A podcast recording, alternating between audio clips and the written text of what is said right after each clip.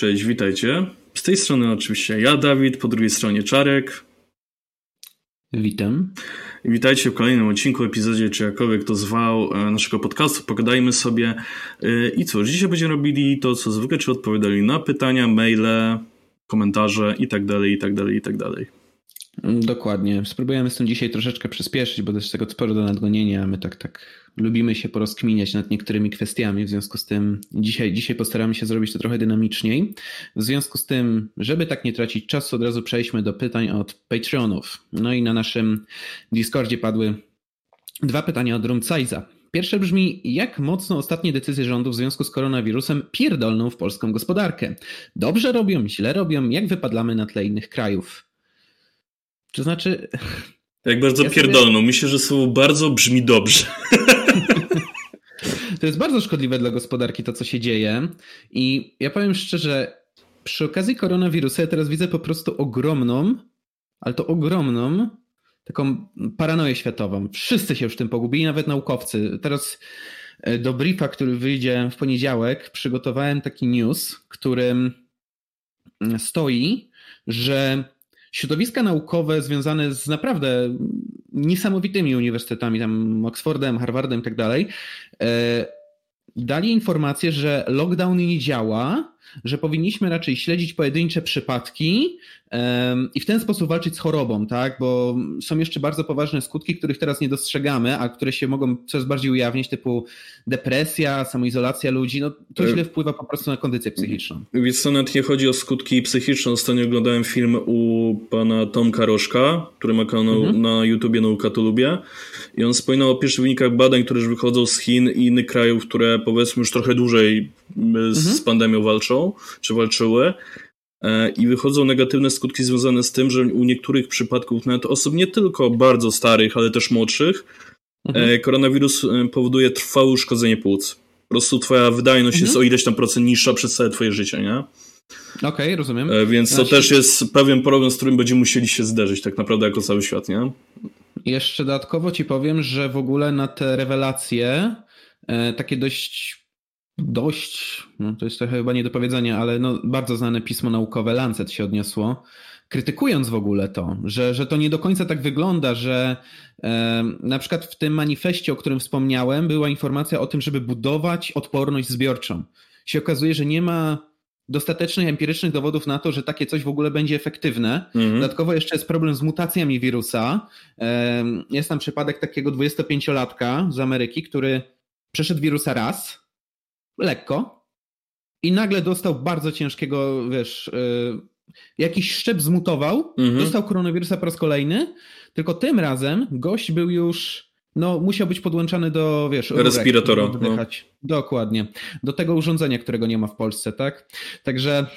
Jak to? E... Przecież Szumowski kupił. No wiesz, Szumowski był też zdrowy podobno, nie? E... Tak, e, tak. Kwarantanna choroba w jedną dobę, nie?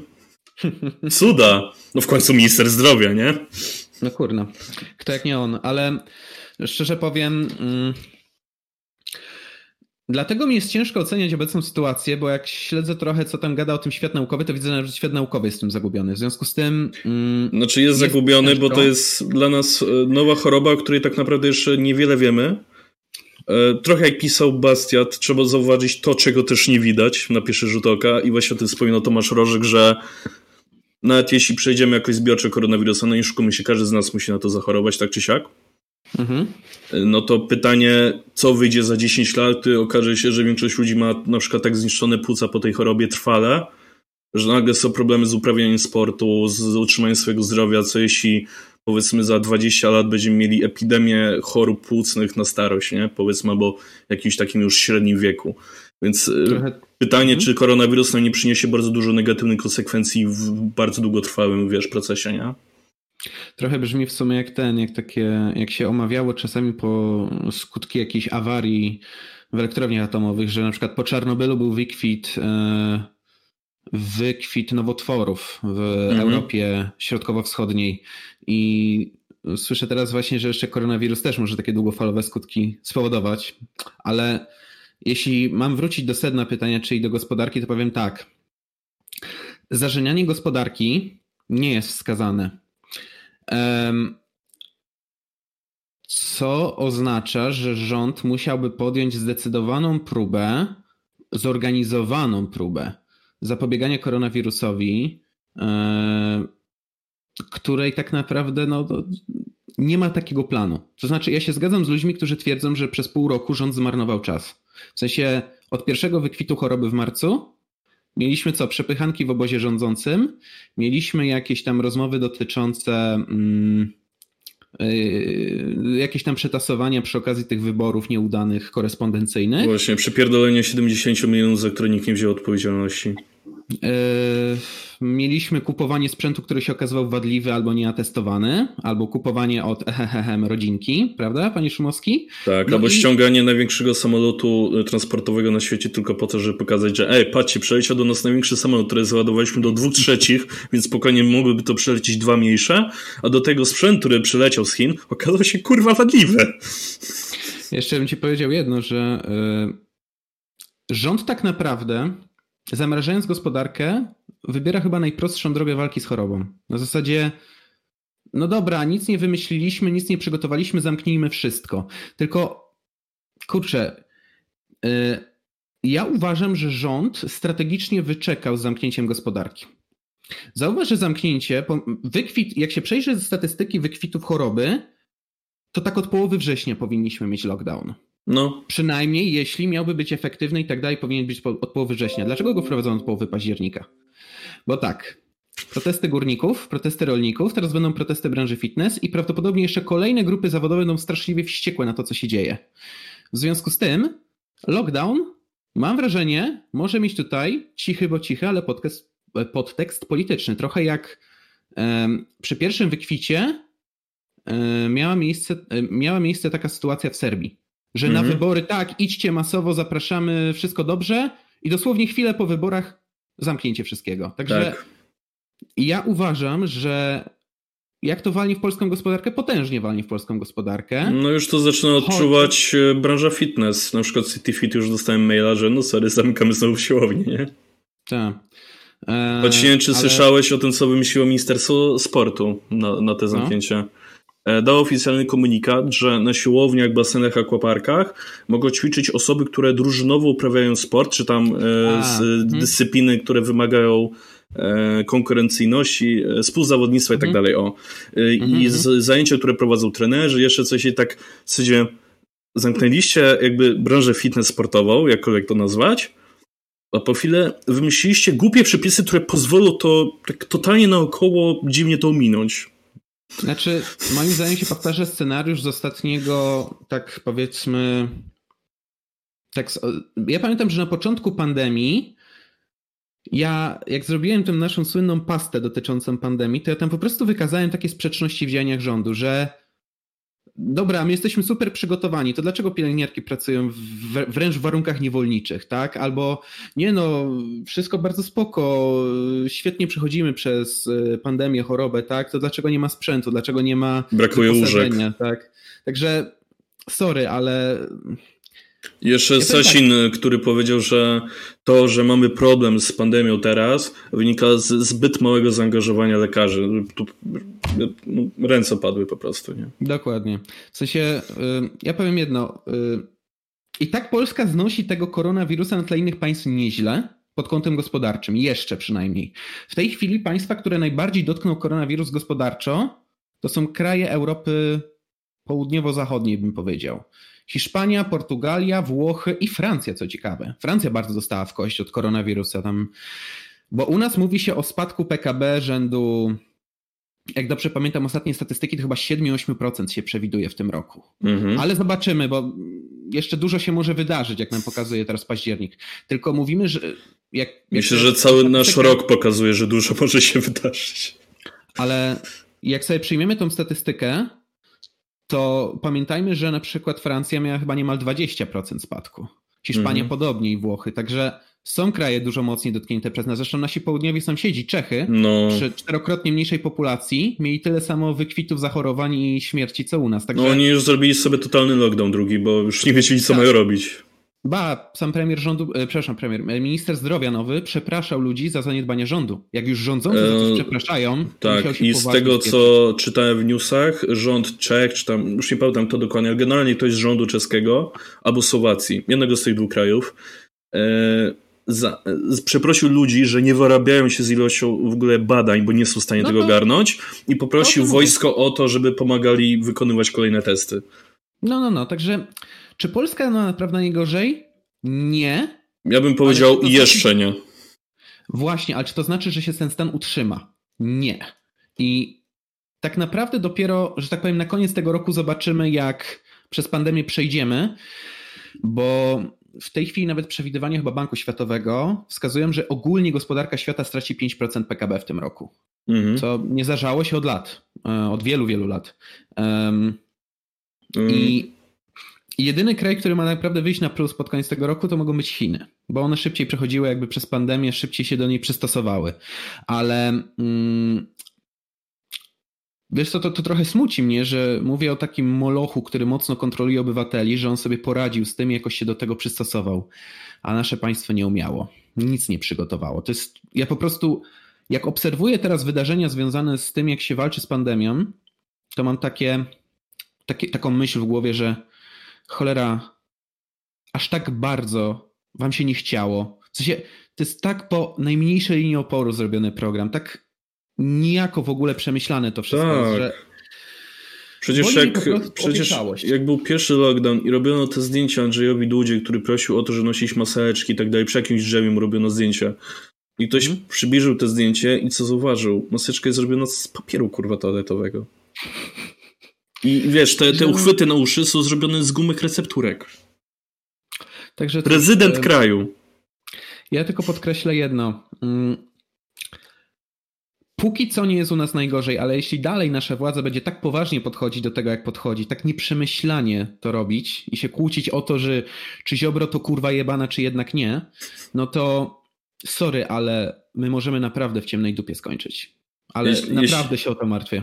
Mm. No ja też się martwię, bo jeśli nic, nic rząd nie wymyślił dla branży fitness, żeby jakoś to mogli zrekompensować, dodatkowo część barów, która też stwierdziła, że po prostu się zamkną, Zwłaszcza, mhm. no nie szukamy się, każde większe miasto w Polsce, łącznie z Toruniem, to jest czerwona strefa w tej chwili. Więc e, prawie wszystko, co mogło być zamknięte, to zostało zamknięte albo ograniczone na tyle, że się nie opłaca prowadzić biznesu.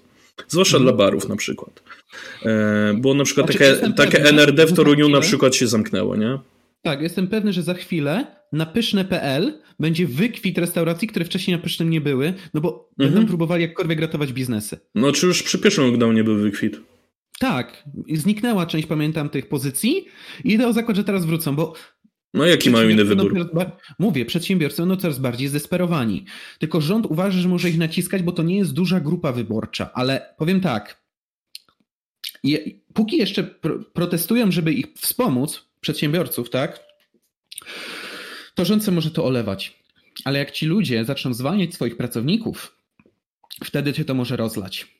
I no. faktycznie no. rząd może odczuć wreszcie na własnej skórze, że to, co robi, jest po prostu nieodpowiedzialne. Chociaż z drugiej strony przypominam sobie w tym momencie, że żyjemy w kraju, gdzie już od prawie dekady mamy podniesienie VAT-u na 3 lata. Od ponad dekady prowadzimy trzyletnią informatyzację ZUS-u, na którą wydaliśmy parę miliardów, także... Od jakichś 10 lat próbujemy znaleźć miejsce dla elektrowni atomowej w Polsce.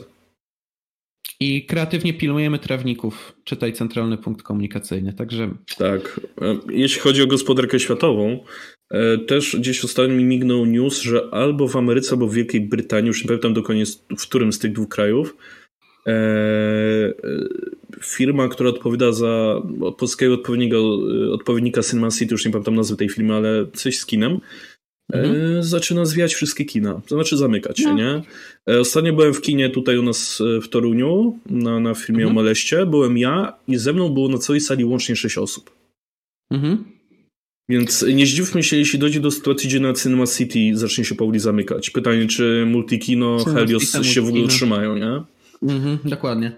Bo kina studyjne to powiedzmy też jest takie pół biedy, bo część kin studyjnych sobie wpadło na taki pomysł, że sprzedadzą jakby normalnie bilety na film, tylko że jego transmisja odbędzie się na Vimeo, dostajesz hasło i w określonych godzinach możesz sobie obejrzeć cały film, nie? Ja tak na przykład obejrzałem mhm. sobie Parasite, jak był pierwszy lockdown i to sprzedaż robiło jakieś kino studyjne z Gdyni, nie? Stwierdziłem, dobra, 13 mhm. zł, rzucę, a obejrzę fajny film, który rzeczywiście był spoko, nie? Tylko pytanie, co wymyślał Wielkie Molochy, nie? Bo tak jak wspominał Wojtek w jednym z naszych e, ostatnich podcastów o Hollywood, e, sieci e, kina, jeśli chodzi o sieciówki, czy na Cinema City, Multikino i tak dalej, nie utrzymują się de facto z transmisji samych filmów, tylko utrzymują się z bloków reklamowych, które lecą przed filmami. Nie? Także no właśnie. Mhm. Tak, więc tak, tak, tak. molochy mogą naprawdę upaść i to będzie strata pracy dla wielu osób młodych, bo to głównie młode osoby pracują w kinach w Polsce. E, I, I, pytanie, co za sobą to pociągnie dalej, nie? E, dodatkowo mhm. też u siebie w pracy też powoli zaczynam zauważać już ten nadchodzący kryzys, ponieważ powoli nadal udaje mi się pracować z niektórymi klientami, którzy chcą poważnie mimo wszystko działać marketingowo i się mhm. pod tym mhm. kątem rozwijać, docierać do klientów, ale jest też dużo klientów, którzy no, mówią mi, tak jak wspomniałem tydzień temu na przykład z branży meblarskiej, że mają ograniczone działania marketingowe, no bo fabryki się nie wyrabiają z robieniem mebli, dostarczaniem im w ogóle, nie? Dokładnie. Więc jest dużo, dużo, naprawdę dużo branż, które ucierpi. Ucierpi, jeśli przyjdzie naprawdę prawdziwy kryzys, bardzo ucierpi również branża, w której ja pracuję, czyli marketingowa, ponieważ z badań E, które mój kolega z pracy znalazł na LinkedInie, e, około 60% firm pierwsze cięcia w kryzysie zaczyna od marketingu, nie? No tak, no bo po co reklamować, jak ludzie i tak nie kupią, bo się boją czy coś. No, tak, dokładnie, więc tak, jeśli przyjdzie kryzys, to naprawdę... Kryzys 2008 roku jeszcze jakoś cierpiliśmy, bo tak jak sam wspomniałeś, nie mieliśmy aż tak bardzo rozwiniętych instytucji finansowych. Poza tym znaczy, to był znaczy, kryzys, który tak, przyszedł tak, z branży mieszkaniowej. Kry mhm. Kryzys, który przyjdzie tutaj, przyjdzie z każdej strony i pierdolnie jak nie powiem co. Także czy walnie? Walnie w gospodarkę. Jak bardzo? Chyba wolę nie zgadywać, bo nie chcę tu wszystkich w depresji pogrążyć. Znaczy najgorsze Także... jest to, że jeśli tutaj coś walnie, to walnie na bardzo wielu frontach i się posypia tak, jak tak. domino. To nie jest sektorowy, to, nie jest kryzys sektorowy, to będzie kryzys w ogóle ogólnogospodarczy. Tak. I to jest problemem. Dobra, ale może przejdźmy w takim razie do mm, jeszcze jednego pytania do Rumcajsa, który wrzucił nam po prostu screena, tweeta z, od pani Marii Giertych, która napisała Tata trafił do szpitala po tym, jak zemdlał w obecności funkcjonariusza CBA w łazience. Wcześniej czuł się dobrze i mówił, że po jego odpowiedzi nie na pytanie funkcjonariuszy o to, czy ma myśli samobójcze, wybuchli oni śmiechem. Nie chcę myśleć, co się stało. Dziękuję za wsparcie. Um, czy jest, y, no i Rumcaj spyta do tego, czy jest szansa, że ktoś komuś chciał popełnić samobójstwo, trochę jak sytuacja z Leperem. Znaczy, E, bo chodzi znaczy, o to znaczy, zamknięcie Giertycha. Tak, to znaczy ja pierwsze porównanie, jakie miałem, jak przeczytałem o tym wpisie, bo też go widziałem na Twitterze, bo cała mhm. Polska o tym mówiła, e, to, to była sytuacja trochę z Nawalnym, nie? Tak trochę, troszeczkę tak to wyglądało. E, no. Ale z tego, co czytałem, TVP Info na swoim Twitterze dzisiaj opublikował informację, że uwaga, Roman hmm? Giertych zjadł śniadanie, więc chyba już jest lepiej. znaczy, w tej sprawie śmierdzi jedno, że to tak się wydaje mocno polityczne i takie mocno nie nie w duchu tego, co się teraz dzieje. To znaczy, mm -hmm. mamy naprawdę poważniejsze problemy, a tutaj partia rządząca dalej się chce bawić w politykę, czyli czy służby mogły za tym pociągać sznurki? Jak to zwykle ze służbami, nie dowiemy się. Bo trzeba jedno przyznać naszym służbom. Nawet jak odwalały jakieś imby, to my po prostu o tym często nie wiemy. Więc trzeba tak. przyznać, że nasze służby są relatywnie skuteczne. Tylko czy tutaj mogłoby dojść do takiego samobójstwa? Powiem tak. Służby mogą mieć czasem inne interesy niż władza, ale myślę, że władza nie chciałaby do tego w tej chwili dopuścić. W sensie oni już mają dość dużo złego PR-u i jeśli ktoś by dopuścił, żeby coś Giertychowi się stało w więzieniu, to czy, czy, aż czy... się boję myśleć z jednej strony przyznam ci rację, znaczy przyznałbym ci rację, że, że rządowi jest nie na rękę, żeby służby robiły coś takiego, ale z drugiej strony tutaj są jeszcze dwa newsy, które mam wrażenie, że troszeczkę ze sobą są powiązane. Mhm. Pierwsze to ponowna próba e, wsadzenia Zbigniewa Stonogi do więzienia, gdzie sąd powiedział, tak. nie, nie zamknięcie go, nie chuj. Znaczy nie, zabrali go i tego samego dnia jeszcze go chyba zwrócili. Tak, bo sąd stwierdził, nie, nie zamknięcie go. Mama, mama wyjść, nie? I rzecz numer trzy. CBA y, zaresztowało wicepremiera rządu. Mhm. To normalny wpis by wpadł na taki pomysł. To znaczy, wiesz... Znaczy, jako podpucha? Wicepremier? Serio? Znaczy, powiem ci jedno. Y jeśli to są faktycznie powiązane sprawy, to dochodzimy tu do bardzo negatywnej konkluzji, to znaczy jednej z dwóch konkluzji. Jedna byłaby taka, że, yy, że rządzący działają nieprzemyślanie, no ale to oznacza, że stracą władzę za jakiś czas, szczególnie jakby się mówię, coś stało tym politycznym więźniom, ale z drugiej strony mogłoby to oznaczać, że służby coś swojego ułatwią, trochę tak bez nadzoru państwa. To jest też niebezpieczne. Także ja nie chcę zgadywać tutaj po prostu, o. ale zgodzę się, że sytuacja jest mocno podejrzana. Jeszcze jedna rzecz. To akurat nie jest powiązane z tym, o czym teraz mówimy, ale jest powiązane z mhm. czymś innym. No. Bo teraz to, o czym mówisz, brzmi, brzmi trochę jak. Nie no, raczej rząd nie robi głupich rzeczy. Nie, nie, nie mówię, Je... że nie robi, tylko. Znaczy inaczej, nie roz. Tak, okej. Okay. Sorry. Mhm. E, ale wczoraj oglądałem rozmowę Winiego z Karolem Paciorkiem. I mhm. on wspomniał tam o rzeczy, której powiedział otwarcie, że po prostu zapomniał o tym wspomnieć w filmie podsumowującym rozmowy z kandydatami na prezydenta na jego kanale Impoderabilia. Mhm. I powiedział tak. No słuchaj, Winiek, miałem mieć tę rozmowę z Andrzejem Dudą, miała się odbyć. W ogóle ta rozmowa zrobiona na gwałt w ostatniej chwili trochę. Mhm. To ja się dowiadywałem od moich innych znajomych, jak wyglądają procedury związane z taką rozmową. Wiesz, teoretycznie mhm. powinny przyjść służby, coś sprawdzić i tak dalej. No i tak, według procedur powinien tak, przyjść najpierw tajniak z psem, żeby wywąchać, czy nie ma narkotyków. Przyjść drugi tajniak, spisać wszystkich ludzi w biurowcu, zrobić listę i, w, i jeszcze trzeci tajniak, który w trakcie rozmowy, czy tam ten sam, w, jak mhm. przyjdzie Andrzej Duda i będzie rozmowa, to nikt do tego budynku nie ma prawa wejść ani wyjść. Jest zamknięty mhm. koniec, na ten czas, nie? No, tak, tak. Mhm. Nie odbyła się ani jedna rzecz z tych rzeczy. Wyobrażasz to sobie? Po prostu Andrzej Duda sobie przyjechał. Nie sprawdzono nic. Ja pamiętam. Te państwo jest rozsypce. We wcześniejszych wyborach taką słynną akcją było to, że jak Komorowski przyjechał na rozmowę do tego. Jakubiaka? 20, tak, do Jakubiaka. I tam mówiono o tym, że wiele rzeczy ustawiono, na przykład to, że tam z jakąś babcią się chyba na klatce przewitał czy coś. Znaczy wiesz co, było... ja bym był skłonny na to mhm. wierzyć, że być może przyszedł wtedy jakiś tajnik rzeczywiście zrobić rekonesans, no bo to jednak zwykły blok. Znaczy, no i powiedział, że będzie prezydent. A, okej. Okay. Albo kto wie, może się pan Łukasz pochwalił sąsiadce. Wątpię, Więc mogło być tu ustawione, ale nie musiało. Tylko powiem tak, nie wiem z którą myślą jest mi lżej. Że władza jest aż tak niekompetentna, czy że nie kontroluje własnych służb. No, żadna z tych myśli nie pociesza. W związku z tym powiem tak. Żyjemy w państwie z dykty, i niestety ta dykta zaczyna już gnić, więc za chwilę się rozsypie. Um, dobra, ale może odskoczmy teraz od tego tematu. E, dostaliśmy jeszcze pytanie na skrzynkę mailową, prawda? Mm, tak, od e, Tomka Malarza dostaliśmy drugie pytanie. Dziękujemy Tomaszu. E, mm. i, I pozwolę sobie przeczytać. Proszę e, bardzo. Tak, cześć, cześć Tomaszu. E, dzięki za odpowiedź, przepraszam za czepiastwo. Nie no, spoko. E, chciałem tutaj e, dalej panów pomęczyć z kącikiem muzycznym. Zapraszamy gorąco. E, tylko proszę się nie wykręcać, panie cesarze, e, że nikomu nie broni cieszyć się lubianą przez niego muzyką. Mhm. Co panowie sądzicie o disco polo? Czy nie jest to absolutny gatunek muzyczny, który jest uniwersalny dla każdego? Przytoczmy tu koronny argument. No widzicie, w domu możecie sobie słuchać tego waszego smith jazzu czy innego metalu, ale na weselu to do tego, do tego każdy tańczy i się bawi. Ale, e, ale, ale. Sam nie jestem największym miłośnikiem tej muzyki. E, kieruję się raczej w stronę muzyki rockowej, ale nie jestem jakoś e, strasznie kategory, kategoryczny. Głównie mhm. w domu w tle leci antyradio, jako, że jestem ojcem dwójki szkrabów w wieku przedszkolnym, to też u nich taką muzyczną obserwację zaobserwowałem. Jak są u teściów, gdzie czasem mhm. leci sobie Polo TV, to dzieciaki tak w mig łapią tą muzykę, że to jest niesamowite. Z piosenkami moimi już jest gorzej, ale kiedyś mhm. jak młodej zapodałem y, wianek z mleczyków, to z głowy mi wyrecytował refren Baranka Kultu. E, mhm. Dzieci są raczej czystą kartką, nie są spaczone tym, czym powinny słuchać, a czego nie. Druga, druga sprawa, jestem ciekaw, co by panowie, a zwłaszcza pan Dawid pod względem akapowym, e, zrobili, gdyby teraz za dotknięciem magicznej ruczki stali się w pełni władni w zarządzaniu państwem w sprawie kryzysu epidemiologu... epidemii.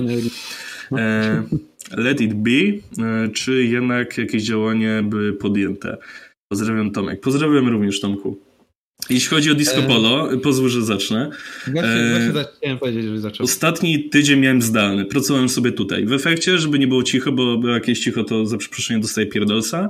Jako osoba, która wszędzie jak gdzieś idzie, to słucha muzyki, to sobie puściłem Nuance Radio, żeby sobie leciało, nie? W mhm. tle. I była raz tam taka audycja, z, która się nazywa chyba dawno temu w telewizji, czy coś takiego, coś ten deseń. E, mhm. Ale było tam e, o muzyce disco polo między innymi, bo był tam, była tam rozmowa z, z jedną panią dziennikarką, która pracuje właśnie dla chyba Polo TV i ogarnia tam te wszystkie rzeczy z tym związane. I ona generalnie e, mówiła o tej branży i dlaczego disco polo jest w Polsce popularne. Mhm. W Polsce jest mnóstwo osób, mnóstwo osób, to znaczy było i jest nadal, ale zwłaszcza było, gdzie większość mieszkała na wsiach. To były osoby, mhm. które nie miały dostępu do wysokiej kultury, do jakichś wybitnych dzieł muzycznych, tylko to, co leciało i to, co było w lokalnych biesiadach, remizach strażackich, etc., co było no, głównie disco polo. Więc te osoby nie miały możliwości w jakiś sposób sobie wykształcić jakiegoś wyższego gustu muzycznego, czy tam jakości, jakkolwiek to nazwać. No bo jakby nie miały trochę możliwości tego mieć na co dzień, żeby ktoś ich po prostu w tym temacie wyedukował, nie? Dlaczego to, a nie tamto. I, i dlaczego warto zwracać uwagę na wartościową muzykę. Dodatkowo problem też polegał na tym, że no, to jest prosta muzyka. Jesteśmy ludźmi i prostsze rzeczy do nas łatwiej trafiają. Więc, a jest dużo osób, które wykonują ciężkie zawody. Lekarz, prawnik, jakiś inżynier skomplikowanych, jakiś maszyn i tak dalej. Mhm. I to są osoby, które już jak mają czas wolny, to bardzo często nie chcą wracać do jakichś wymagających rzeczy. Chcą posłuchać albo obejrzeć coś bardzo prostego. Mhm. Dlatego rakotwórcze treści na YouTubie są bardzo popularne niektóre, albo takie mniej merytoryczne. Dlatego taka muzyka disco polo czy inne gatunki, które są jemu bliskie, zdobywają dużą popularność, no bo z jednej strony mamy nadal bardzo dużą część społeczeństwa, e, która żyje na wsi, czy się tam wychowuje, i mieliśmy, bo to też jest bardzo ważny taki kontekst historyczny. Z drugiej strony są osoby, które po pracy potrzebują czegoś lekkiego i rzecz jeszcze e, trzecia. Mamy media publiczne. Są mhm. jakie są, ale je mamy. Jest telewizja, jest radio i tak dalej. Co powinny robić media publiczne, skoro my łożymy na nie pieniądze? No nie patrzeć na to, żeby na siebie jakoś wybitnie zarobić, tylko dać aby coś wartościowego. Czyli na przykład mhm. edukować społeczeństwo muzycznie. Tylko problem polega na tym, że to się nie dzieje. Radio trójka ma reklamę, radio dwójka ma reklamę, radio jedynka ma reklamę, radio czwórka ma reklamę. Jak dobrze A radia polskie i państwowe to samo telewizja, wszędzie reklamy. Więc zamiast dawać jakąś treść edukacyjną, rozwijać właśnie społeczeństwo na te, które nie ma możliwości na co dzień w swoich okolicach tego zdobyć, lecimy po pieniądze. Dawid, ja ci tylko jedną rzecz jeszcze przypomnę. TVB było oficjalnym producentem filmu o Zenku Martyniuku. To też chciałem właśnie na końcu dodać, nie? Więc y, media publiczne, które powinny służyć do tego, żeby nie zarabiać pieniędzy za wszelką cenę, tylko dać jakąś inną wartość, skoro już na to łożymy, zupełnie nie spełnią swojej roli, nie? Y, mhm. W efekcie jeszcze mamy mnóstwo dodatkowych kanałów poświęconych disco polo. Taka ciekawostka. Disco polowcy za bardzo nie sprzedają w ogóle płyt. Jak pójdziecie do Empiku, tam za bardzo nie ma płyt disco polo, ile są w ogóle. Disco Polo zarabia głównie na streamingach i, uwaga, na streamingach trochę. Mhm. Ale przeciętny zespół Disco Polo, nawet nie jakiś super wybitny, taki, taki normalny, średni, nie? Zgadnij, ile oni no. grają koncertów rocznie. No, ja wiem, że parę setek potrafię zagrać na spokojnie. Dw od 200 do 300 średnio. No. Z jednego niech wezmą nawet 5 tysięcy złotych. Choć pewnie biorą więcej. Zależy pewnie od wielkości imprezy i zna, znania Dokładnie. muzyka. Tak? tej no. branży totalnie nie opłaca się wydawać płyt, liczyć się woli się. Oni mają to w dupie. Na koncertach zrobią 10-15 razy tyle. Znaczy ważne, żeby nagrać hity i potem z tym koncertować ile wlezie. No, tak, prosta ja muzyka, prosty że... tekst, niewymagający. To jest ja magia tej muzyki. Mam... Właśnie w rodzinie też mam takie osoby, które lubią disco polo i one często zauważają po prostu też biznesową stronę tego wszystkiego. Dostrzegają, że ci muzycy no, o Zenku Martyniuku można sobie śmieszkować, ale on ma potężne gospodarstwo rolne i ma naprawdę hajsu do przechulania i nawet tak. jakby skończył z muzyką, to już spokojnie przeżyje, jeszcze dwa pokolenia by pewnie tak, utrzymał. mało tego, mój tata bardzo ładnie nazwał disco polo, bo to naj, no. najbardziej kulturalna nazwa na, na, na tę część muzyki. Hmm? Sztuka użytkowa. No, Właśnie, bo jak ja miałbym się odnieść do tego, jak czuję disco polo, to powiedziałbym tak, fajnie, że tutaj był poruszony ten temat dzieciaków, w ogóle dużo zdrowia w tym okresie dzieciakom życzyć, ale um, że dzieciaki w mig to łapią, bo ta muzyka jest łatwa w odbiorze. Tak, a Taka małe dzieci łapią proste rzeczy, no bo są dziećmi, nie? Tak, w sensie ja też nie zaczynam, to, to, może wyglądać dziwnie, ale nie zacząłem od Pandaimonium czy Gorgatsa, tak, moją przygodę muzyczną, tylko pamiętam, że mnie na początku w muzykę bardziej, może nie ekstremalną, ale rockową wkręcały mnie zespoły takie jak Scorpionsi czy Queen. Queen miał ambitniejsze kawałki, ale powiedzmy sobie szczerze, mnie nie wciągały utwory pokroju March of the Black Queen, tylko raczej, nie wiem, A Kind of Magic, tak? Coś takiego. Skorpionsi też mnie nie wciągali jakimiś e, eksperymentami z wczesnej dyskografii, tylko raczej, nie wiem, jakimś Rock You Like a Hurricane. W sensie można by sobie przyjąć perspektywę, że tak, to jest muzyka uniwersalna, bo każdy mu łapie, tylko mam wrażenie, że jak dojrzewamy, w tym także muzycznie, wyrabiamy sobie jakieś gusta, no jeśli poświęcimy trochę czasu muzyce, to szybko odchodzimy od prostszych form, E, takich prostszych, znaczy takich banalnych. Szukamy w muzyce czegoś głębszego czy większego. Właśnie fajnie, że zauważyłeś, że osoby, które nie przywiązują do muzyki jakiejś większej wartości, tylko po prostu wykorzystują to jako takie, nie wiem, no, rozluźnienie po dniu pracy. Mm -hmm. Szukają czegoś prostego, szukają czegoś lekkiego, szukają czegoś łatwostrawnego. Z tego powodu dzisiaj na świecie panuje klątwa, która się nazywa four chord song. Czyli jak będziesz miał prymę, dominantę i subdominanty, ułożone w odpowiedni sposób, to po prostu nagle, nagle jesteś w stanie zagrać, nie wiem, lwią część hitów, które leciały w radio przez ostatnie 20 lat. Ja mm. kiedyś nawet pamiętam... Adam Nili bardzo fajnie to pokazał. Tak. Ja, ja pamiętam, że ten. Yy, ja to nawet kiedyś robiłem na jakiejś naszej tutaj imprezie. W sensie, że po prostu nagle wziąłem gitarę, zacząłem grać w kółko te same akordy i sobie nucić różne utwory, i wszyscy tak. Kurwa, to jest jedno wielkie oszustwo. No. Tylko do czego zmierzam? Ja wiem, że każdy się lubi bawić przy disco polo, chociaż ja oficjalnie jakbym miał, nie wiem, brać ślub czy, czy, czy, czy, czy jakąś imprezę okolicznością organizować, to chyba bym wybrał. Starałbym się właśnie chyba uniknąć tego, takiej sztampowości tego. Znaczy, ale... ja sobie założyłem, że jeśli kiedykolwiek będę brał ślub, to jak będzie trzeba, nawet ja zapłacę za muzykę, byleby tam nie było disco polo, albo była, jak już będę spał. Mhm. W sensie, powiem tak, jeśli ta muzyka miałaby być w jakiś sposób uniwersalna, to tylko dlatego, że jest właśnie prosta, łatwo przyswajalna i no, są pewne kulturowe czynniki, które sprawiają, że wciąż jest popularna, ale powiem tak. Ilu słyszałeś nowych wykonawców disco polowych, takich głośnych teraz? W sensie w latach 90. boom Żon... na boysów był ogromny. Tak. W latach nas dziesiątych, no dobra, w Mertyniu i tam jeszcze paru innych, ale mam wrażenie, że ta branża, pomimo że się mocno trzyma i że długo jeszcze będzie koncertować, to przestaje już być taka... Mm,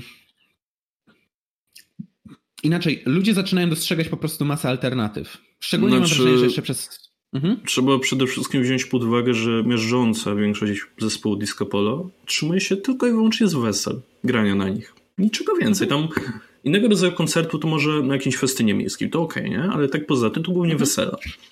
Więc Także... Y, ja, ja myślę, że teraz disco polo ma duży kryzys związany właśnie z tym, że jest COVID i wesela to tak tak, tak średnio. I rzecz druga, e, niektórzy bardzo często na wesela biorą po prostu DJ-ów. A DJ puszcza muzykę, wiadomo, z playbacku, nie? Mhm. Z jakiegoś tam studentycznego gramofonu albo zwykłego. E, I jeszcze jedna rzecz chciałem zwrócić uwagę.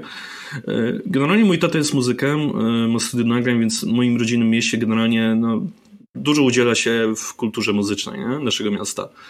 E, I mój tata bardzo nie potrafił zrozumieć tego, dlaczego na festynie miejskim, który jest, jakby nie patrzeć, robiony z podatków mm, lokalnych, e, łoży się pieniądze na koncerty disco polo, skoro spokojnie jest wiele koncertów w mieście, czy tam było, gdzie były robione pieniądze za normalnie biletowane i te bilety schodziły jak na pniu. Mhm. Gdzie bardziej muzyka jakby opłacana z miasta, czyli z podatków, właśnie też powinna bardziej stawiać na jakość z tego względu, że no raczej chcemy coś przekazać pozytywnego też społeczeństwu, nie? A nie dać muzykę najniższych lotów, nie? Którą, która można spokojnie kupić bilet, skoro się sprzedaje, nie? Mhm. Więc no, Także... z disco polo no niestety tak jest, no. Ja bym powiedział tak, no wbrew właśnie wykazaliśmy chyba, że wbrew pozorom jest parę czynników kulturowych, które wpływają na taki pozytywny odbiór disco polo w tym kraju i no ponadto ja powiem tak, jeśli ktoś kiedykolwiek przywiązał do muzyki jakąkolwiek wyższą wartość, jakieś emocjonalne doświadczenie i tak dalej, to chyba szybciej uwierzę w to, że przywiązał tę wartość do, nie wiem, nostalgicznych tekstów Molchat Damy albo do e, powiedzmy jakichś, e, nie wiem, dajmy na to, że jakiś tam, nie wiem, ciężkich, emocjonalnych utworów e, Anny von Hauswolf, a nie do majteczek w kropeczek. No, tak umówmy się chyba, nie? I ten, jeszcze bym dorzucił jedno, bo, bo tu była ta druga część pytania, że, że jakbyśmy dostali pełnej kontroli, to co byśmy zrobili w ramach kryzysu epidemiologicznego? Ja powiem tak. Ja zawsze jak e, rozważane jest, a jakbyś się stał prezydentem, szefem, władcą wszystkiego, to co byś zrobił? A ja zawsze mówię, nie wiem, no. bo ja bym oddał to prawdopodobnie w ręce ekspertów. W sensie, jak ja bym był przywódcą, zebrałbym sobie, nie wiem, jakichś legitnych lekarzy, konsultował się z zagranicą, próbował znaleźć ludzi, którzy opracowują jakieś bezpieczne technologie, które pozwalają, nie wiem, śledzić covid ale na przykład bez trwałego naruszania bezpieczeństwa Polaków. Na przykład, no, aplikacja, której teraz mamy używać, tego Protego Save, Jezus, to, sorry, ale to jest narzędzie nie tylko niebezpieczne, bo na, nawet tam chyba jakiegoś szyfrowania temu brakowało w którymś momencie czy coś. Niebezpiecznik to, o tym pisał. Dokładnie. To jeszcze druga rzecz. Za cholerę nie wiadomo dokładnie, jak ta apka ma działać i czy jak e, zakończy się pandemia, to czy czasem nie będzie to rozszerzone w jakiś sposób. Więc... A wiesz, co jest najlepsze tym wszystkim? Mhm. Że sam Google, jak i Ape, przygotowały tak zwane tokeny losujące, które powodują, że ciężko zlokalizować te dane konkretnie po osobie, nie? Żeby podać te dane jakieś anonimizacji, ale żeby jednocześnie może było rzeczywiście śledzić, mhm. śledzić odpowiednio ludzi na zasadzie, żeby się nikt od siebie nie zaraził, albo żeby wysłać na kwarantannę, nie? E, mhm. Polscy deweloperzy tej aplikacji, czy tam zagraniczny, nie wiem kto to tam kodził, w ogóle, w ogóle mhm. tego nie zrobili, w ogóle nie zastosowali tych protokołów, nie? W tej pierwszej wersji. Nie wiem jak jest teraz, e, ale no tak trochę XD, nie? Że takie trochę XD przez łzy, bo pokazuje, nasze państwo pokazuje, że w jednym z w jednym z kluczowych sektorów bezpieczeństwa w przyszłości, czyli w cyberbezpieczeństwie, my jesteśmy na erze kamienia łupanego. Mhm. Serio.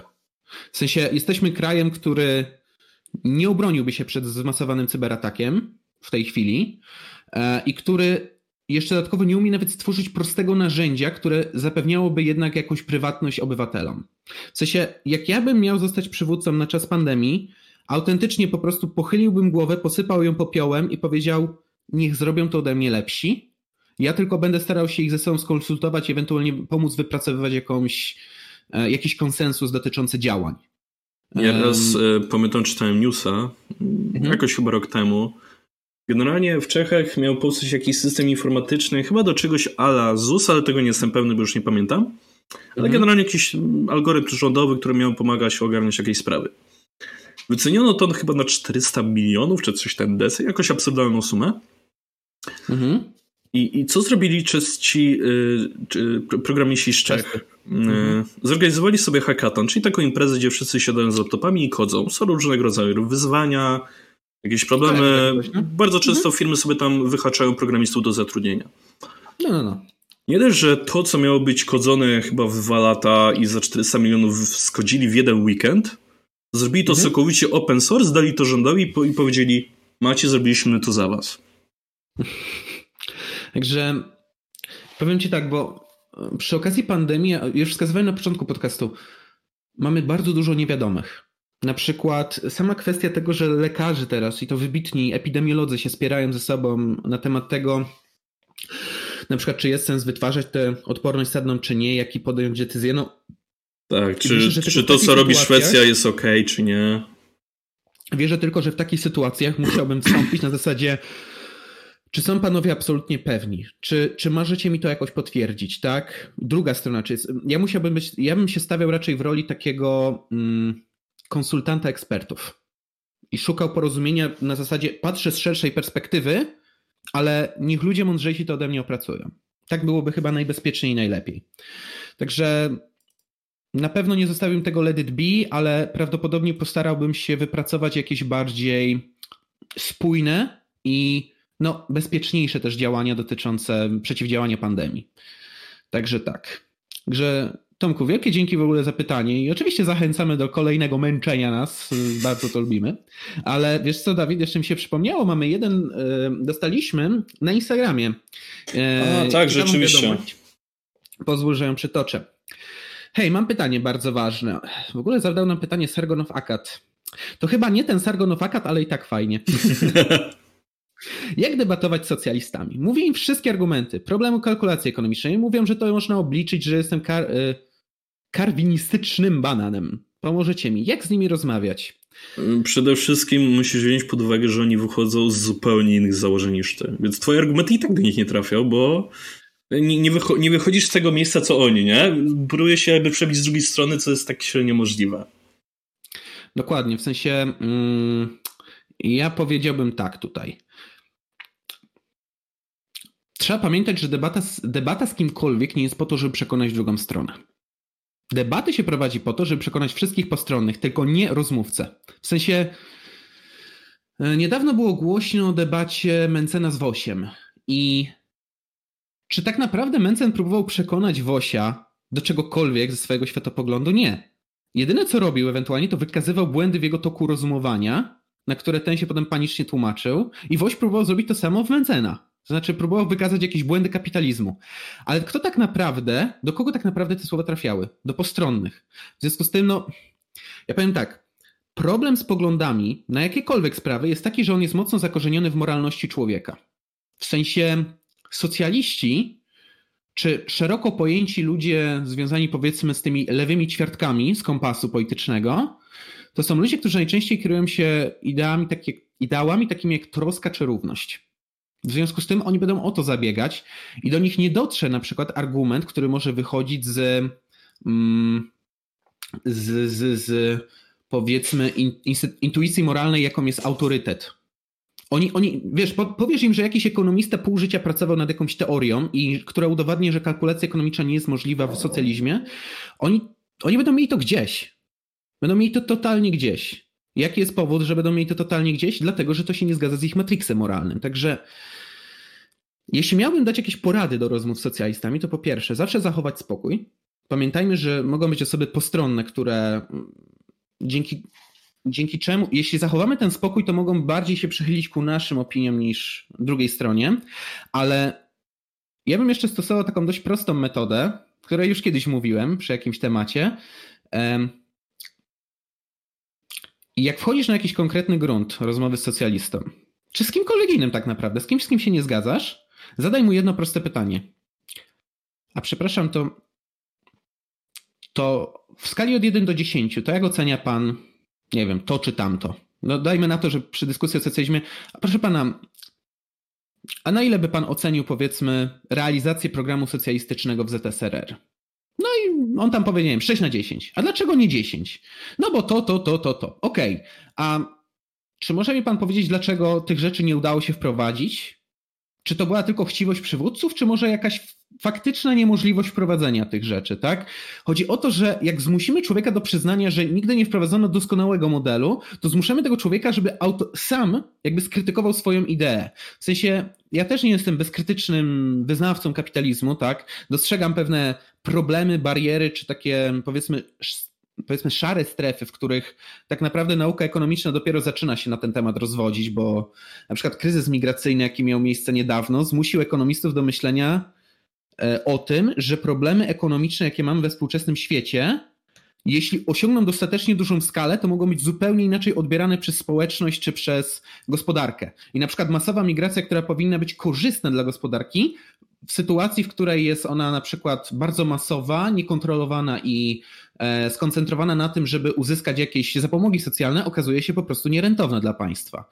Także ja też potrafię jakoś tam krytycznie do kapitalizmu powiedzmy podejść, tak? I powiedzieć, że gdzieś tam jest hamulec, gdzieś tam jest granica. Tylko ważne jest to, żeby w swoim rozmówcy zbudzić taką myśl, że to, w co wierzysz, rozumiem, że w to wierzysz, szanuję, w to, że, że w to wierzysz, ale czy jesteś w tym krytyczny, czy bezkrytyczny?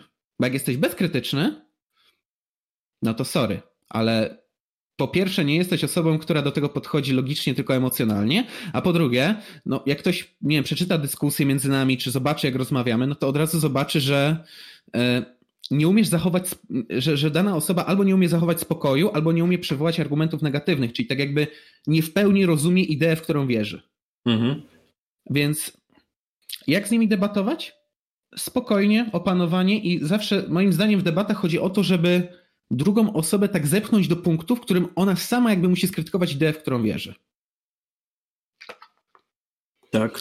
Zresztą mieliśmy niedawno piękny przykład na debacie od personam, gdzie Serwiński rozmawiał z y, towarzyszem Michałem.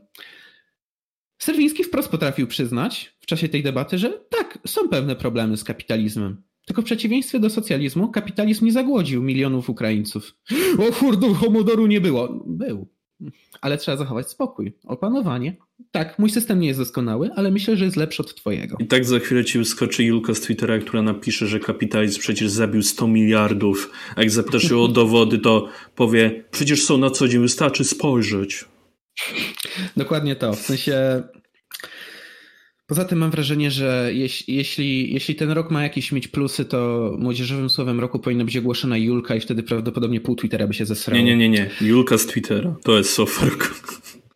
Wyrażenie roku. Dobra. No, dokładnie, także mamy nadzieję, że trochę pomogliśmy Sergonie. Wielkie dzięki za pytanie i oczywiście zachęcamy do zadawania ponownie. No a teraz powinniśmy już przejść do komentarzy na YouTubie. Pozwól tylko, że przytoczę szybkie jedno pytanie, na które odpowiemy jednym zdaniem. Załóżmy, że konfa klonuje Korwinów. Fajen. Ja, ja się jarał. Ej, 10 tysięcy partii Korwin. O kurwa. Wyobraź sobie, że do Sejmu wchodzi 200 Korwinów i każdy z nich powie Hitler. O jest. no to by było przepiękne. W sensie poobserwować świat polityczny, w którym takich oryginałów jak Korwin jest powiedzmy no, kilkasetek. No, Wyobraź to, to, sobie... To było rozkoszne do obserwowania. Wyobraź sobie, że jeden Korwin zaczyna krytykować drugiego Korwina, a trzeci siedzi ławie się puka w głowę. Tak, a czwarty, a czwarty obok, bo mu zabrakło cukru, śpi. Dokładnie. Także byłoby fajnie, jak to mówią popularnie młodzieżowcy. Ale może przejdźmy już do kolejnego pytania. Co, Dawid? E, tak, dostaliśmy tutaj e, całkiem długie, nie, nie wiem czy to nazwać pytaniem, bardziej opinię, czy... czy... Sprostowanie, tak, tak, tak. Tak, od Jacha odnośnie e, złota i rozwinięcie też tego tematu. Hmm. I, I tutaj zacznę czytać po każdym z podpunktów, mamy ich pięć łącznie. Więc tak... Po pierwsze, na dzień wydania waszego materiału platyna jest dużo tańsza, ale jednocześnie dużo droższa od złota. Jak to możliwe? Złoto obecnie stoi bardzo wysoko w okolicach swojego historycznego rekordu. E, cena spot, mm -hmm. a zatem cena złomu danego metalu, platyny, nie jest warta nawet połowy ceny złota. Albo się pomyliliście, albo pomyliliście platynę z palladem, który faktycznie jest tak. dużo droższy od złota. Tak, dokładnie. To była pomyłka, przejęzyczenie. Palat mi chodziło. Tak. E, jednakże stawiam konia z rzędem plastikowego e, temu, kto znalazłby platynę w cenie zbliżonej do spot. E, platyna ma wysokie premium, czyli to, co płacisz ponad cenę spot i przez to jest raczej pozycją bardzo długoterminową. Po drugie, e, ceny spod złota i innych metali okresowo potrafią się bardzo wahać. Metale ogólnie mhm. są pozycjami długoterminowymi i służą nie tyle do inwestowania, co do raczej przechowania wartości. E, można to tak, można się z tym zgodzić, tak, tak. W sensie, jeśli chodzi o inwestowanie, jeśli ja użyję słowa inwestować, to chodziło mi raczej o to w kontekście, że inwestować na starość, inwestować na dalszą przyszłość, albo ewentualnie, o, ja jeszcze chyba użyłem takiego określenia jak oszczędzać w ten sposób, bo to zachowa właśnie wartość. Ale tak, pełna zgoda. E, I tak, tutaj dodatkowo e, mamy po trzecie e, to, że metale można podzielić na jubilerskie i przemysłowo. Złoto i srebro są jubilerskie, platyna, palat i rod są przemysłowe. Zachowują się przez to zupełnie inaczej, zanim mi ktoś powie, że przecież ma obrączkę platynową, a styki procesorów są ze złota. Jasne, ale to produkcja katalizatorów żre na więcej platyny, a jubilerstwo złota. Jak najbardziej przyznam rację jako mhm. syn byłego jubilera. E, oczywiście proporcje mogą się kiedyś zaburzyć. Złoto ma pewne właściwości, niereaktywność, najlepsza mhm. kowalność ze wszystkich metali i trzecia najlepsza konduktywność. Tak, jak najbardziej złoto jest najbardziej plastycznym metalem, jaki znamy, to tutaj jak najbardziej przyznam rację, dlatego też się go używa w jubilerstwie, które sprawiają, że jeśli zmieni się moda w jubilerstwie, zawsze będzie co najmniej przydatne przemyśle. E, tak, I... w sensie tu właśnie widać po tym, że mm, znaczy to jest rozwinięcie trochę moim zdaniem tego pierwszego punktu, bo e, przepraszam, drugiego punktu, że przez zmiany technologiczne i przez chwilowe mody, czy jakieś tam zachłyśnięcie się konkretnym metalem, te ceny krótkoterminowo mogą się wahać. I to jest pełna prawda. To jest prawda dla właściwie każdego surowca naturalnego, bo surowce naturalne mają naturalną tendencję do dużych wahań cen. Um, dużych wahań cen, kiedy kiedy tak naprawdę dzieje się cokolwiek. To znaczy, teraz na przykład idealnie to obserwowaliśmy na ropie naftowej, to samo można zastosować właśnie do kamieni szlachetnych. Tylko kamienie szlachetne mają jeden plus jednak. Tą wartość w dłuższym okresie jednak zachowają. I to jest dobry środek inwestycyjny. E, I po piąte, nie, przepraszam, po czwarte, inwestowanie w złoto to nie tylko kupowanie sztabek czy bulionów, na przykład dużo monet historycznych jest ze mhm. złota. E, istnieją pozycje, które de facto można traktować jak na przykład sztabki po 10 tysięcy złotych, Przepraszam, ale uprzedzam, że jest to już pogranicze z inwestowaniem w sztukę. Trzeba na ten temat trochę poczytać, ale spokojnie, nie boli. Mm. I po piąte, złoto pewną wartość trzyma już od kilku tysięcy lat i o ile nie spadnie nam na łeb złota steroida, czego wcale nie wykluczam, to raczej tak pozostanie. Gdyby ktoś miał pytania, to śmiało chętnie odpowiem. Pozdrawiam i życzę miłego dnia. My również pozdrawiamy i życzymy miłego dnia. Dokładnie. E, ja jeśli... jeszcze, tak, to to jeszcze, jeszcze bym się do jednej rzeczy odniósł, bo... Generalnie rzecz ujmując, e, z inwestowaniem w złoto jest, jest taka fajna teoria e, ze szkoły Public Chase się wywodzi w ekonomii, że tak naprawdę sztukę można traktować jako właśnie taką bardzo wydłużoną inwestycję długoterminową, albo lokatę, albo właśnie środek przechowywania wartości. Znaczy, wielu kolekcjonerów sztuki kupuje sztukę po to, żeby zachowywała wartość, żeby można było to reinwestować w przyszłości. To samo można robić z niektórymi wyrobami ze złota czy srebra, tak? I to jest oczywiście prawda. Tylko wiadomo, jak ktoś by chciał to iść tak poważnie, no musiałby troszeczkę też poczytać o wiesz, wartości historycznej, o, o tym, jak to tymczasowo jest wyceniane. I jeszcze jedna rzecz, ze względu, wspominam o tym, yy, o tym, yy, o tej kwestii związanej z rynkiem sztuki, ponieważ kurczę, rynek sztuki to jest prawdopodobnie jedna z największych pralni brudnych pieniędzy na świecie.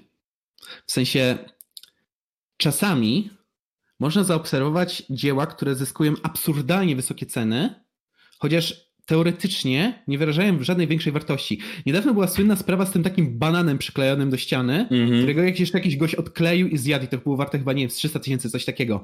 I wielu po prostu snuło podejrzenia i one mogą być wcale nie takie nietrafione, że niektóre dzieła sztuki albo niektóre wyroby, na przykład kruszcowe, mogą być robione znaczy mogą być podbudowywane jako warte więcej niż są w danej chwili z jednego prostego powodu. Ponieważ takie kruszce, chociaż wykazują mniejszą wartość, to legitymizują pieniądze, w które to włożyliśmy. Dzięki temu pozwalają nam poprać te pieniądze, więc zgodzę się, że to jest temat trochę poleminowy, ale no, nie jestem też koneserem sztuki, żeby to stwierdzić. No ja zawsze, zawsze jednak jak mówiłem o inwestowaniu w myślałem bardziej o konwencjonalnych metodach, ale fakt, warto wspomnieć, że też są takie i że jest takie podejście. Jeśli chodzi, tak krótko, jeśli chodzi o temat inwestowania, czy wysoko, czy nisko, niskokosztowego, e, bardzo z mojej strony polecam Wam e, blog e, Michała Szafrańskiego, który nazywa się jakoszczędzaćpieniądze.pl i tam najnowsze posty w chwili, kiedy to nagrywamy, czyli w sobotę. Z jednej strony jest podana alternatywa inwestowania, tak zwane narzędzie, które się nazywa Finex, to jest tak zwany słowacki robodoradca.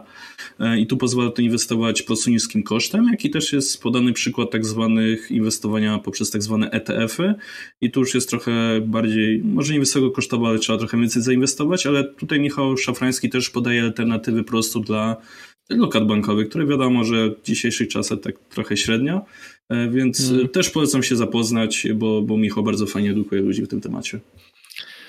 No i super. To w takim razie znowu szybkie pytanie, na które odpowiemy dwie sekundy.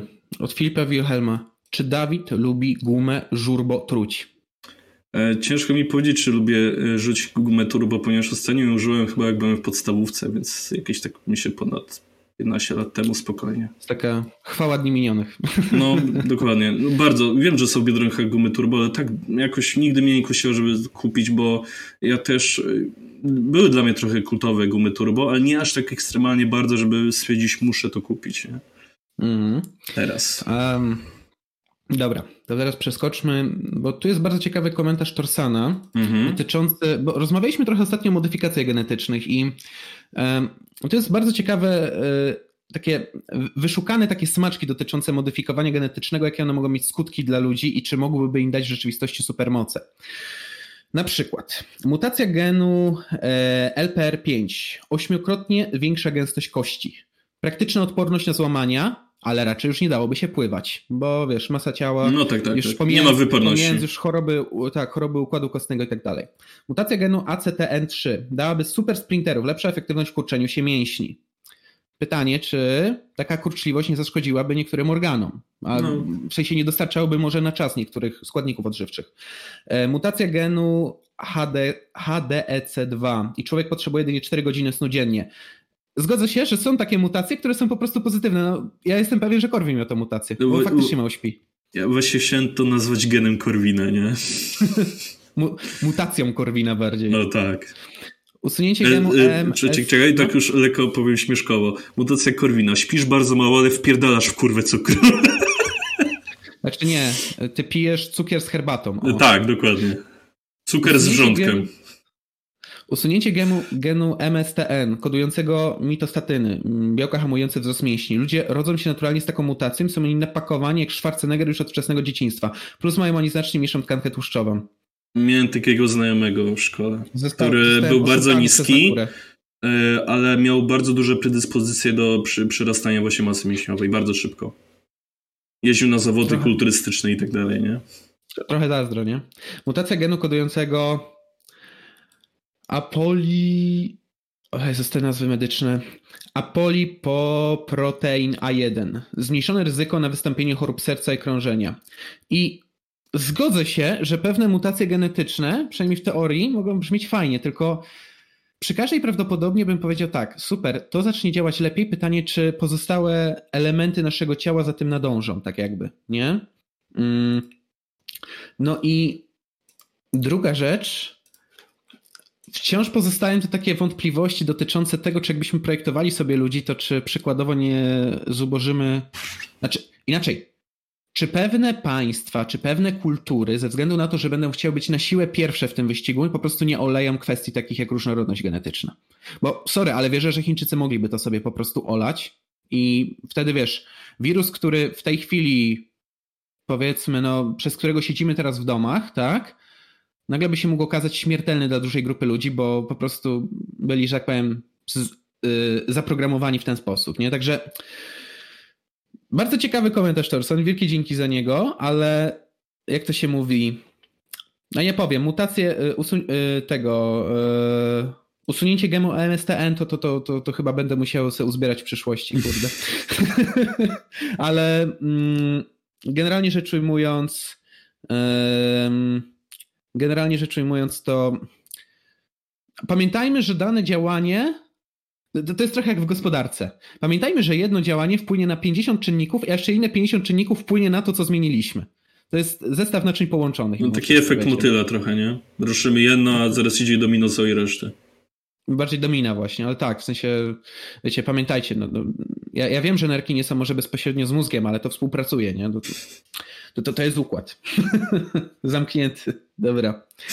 A teraz kolejne szybkie pytanko, na które odpowiemy w sekundę. Sheriff of Internet pyta, a co jak pies jednak nie wyraził zgody? No to nie. To idzie do, akap to idzie do akapowego więzienia, tak? I pracuje e... tam za miskery codziennie. Ostatnio chyba na Discordzie Żółtej Siły no. była jakaś dyskusja, już nie pamiętam na jaki temat, po prostu widziałem wycinek wycięty z kontekstu na Twitterze. Mhm. I była opinia, która brzmi tak. Prywatne obozy zagłady brzmi interesująco. A ktoś się mnie potem pyta, czemu Lipkowie nie mogą kurna zdobyć jakiejkolwiek większej siły politycznej w tym kraju. Właśnie dlatego. Mm, Właśnie dlatego. Także jak nie wyraża, to nie. Ale wiecie, te takie prywatne obozy koncentracyjne w sumie. Jezus Maria. Ech, trochę mnie boli obserwowanie tego, jak ruch wolnościowy w tym kraju jest tak wiecznie tak albo, albo jest taki trywializowany i sprowadzany do hehe, a jak pies wyraził zgodę. Ale najlepsze jest do... to, że te pro, profile kont mhm. on w kontekst żółtej siły, profilu antypaństwowie, mhm. gdzie goście zachowuje, by był chory psychicznie, e, Discordu żółtej siły i tak dalej, są tworzone przez inne osoby z żółtej siły. Jest, ja rozumiem, że to zabawne, ale to jest taki autosabotaż. Tak.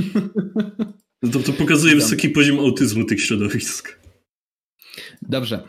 To przejdźmy może do kolejnego pytania, bo, bo ja nie chcę się rozkminiać nad autyzmem tego środowiska, kurde. Ja też, nie. Dobrze.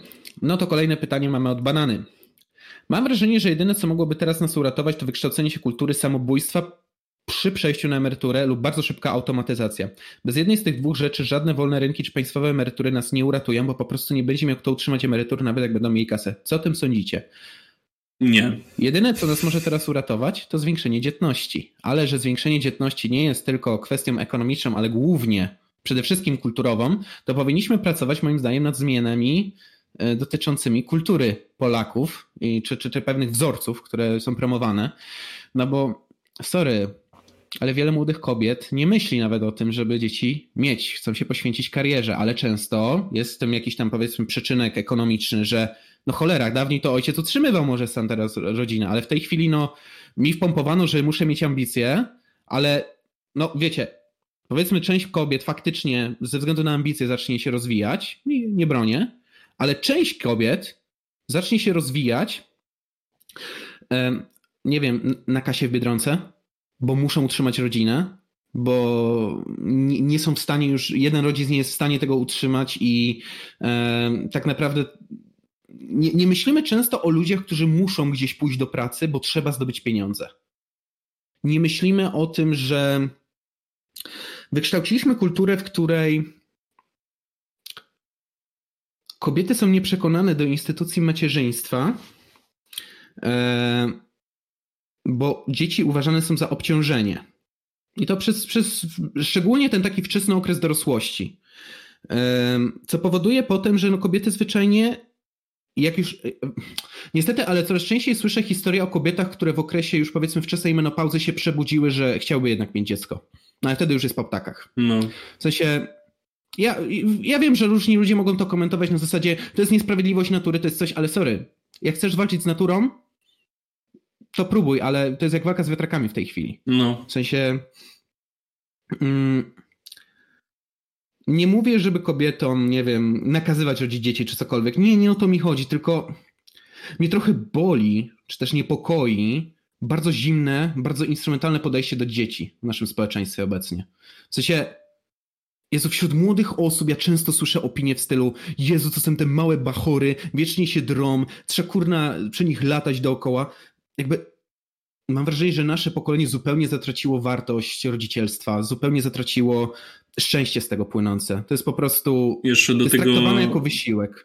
Jeszcze do tego influencerzy, którzy wypisują teksty na Twitterze typu ja nie rozumiem, jak, jaki jest sens posiadania dzieci, po co to? Przecież to mi obciąża, to tamto, jak na przykład Weronika Truszyńska. Okej, okay, nie chce mieć dzieci, to ich nie ma, ale niech ma świadomość, że jest dosyć dużym influencerem, który jednak może spowodować, że może ktoś źle zacznie na to patrzeć i w efekcie ta dzietność jeszcze nam spadnie.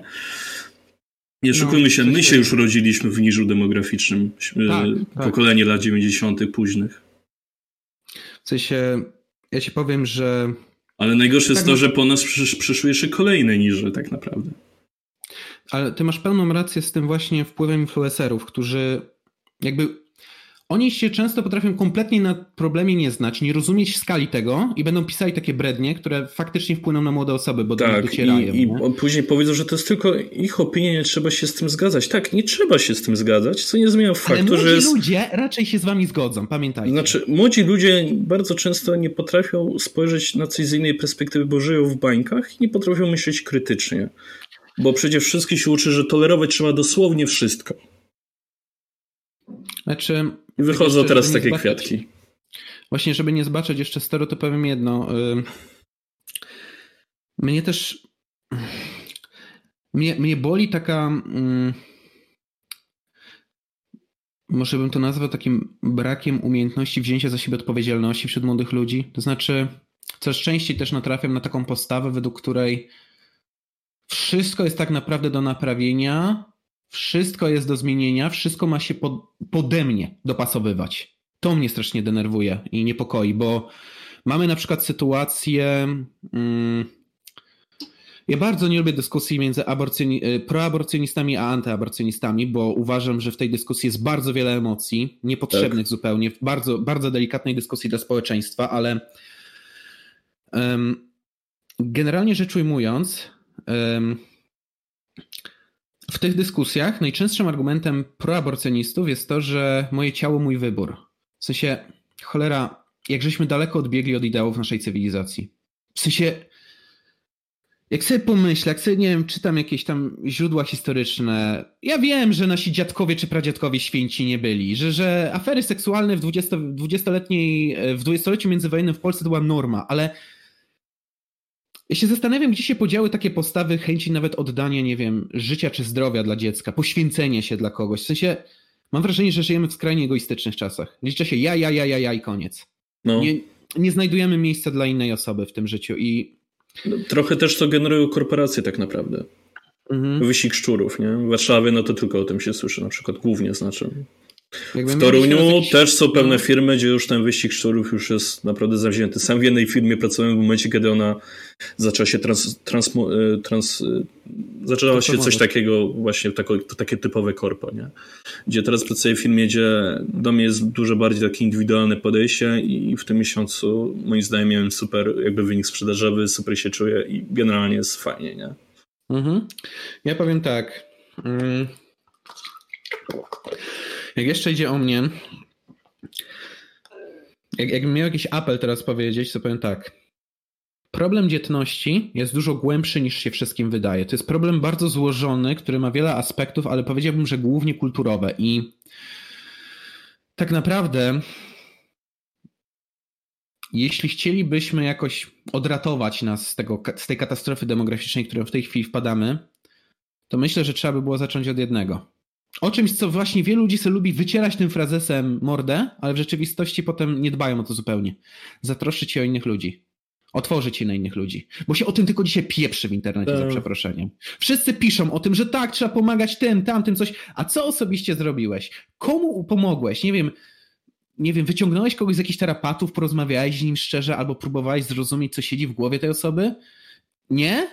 To, to, to, to, po co mi pieprzysz o tym, że mam wpłacać na jakąś instytucję? W sensie... Znaczy, dużym problemem, który ja zauważyłem trochę na Twitterze, jak sobie tym prześladuję, czasu do czasu, jest to, teraz na przykład na Twitterze wybucha jakiś czas temu ta afera, że no, powinien być finansowane, bo jest dużo kobiet, które nie mają do tego dostępu. Ciągle wypływa, no. Najśmieszniejsze jest to, że to głównie wypływa na Twitterze, poza za bardzo nie wychodzi e, mhm. do jakiejś takiej opinii powiedzmy publicznej na zasadzie radia, telewizja, e, ale totalny absurd, który zauważył w tym środowisku pod tym kątem. Mhm. Czemu wy nie zrobicie na to zrzuty?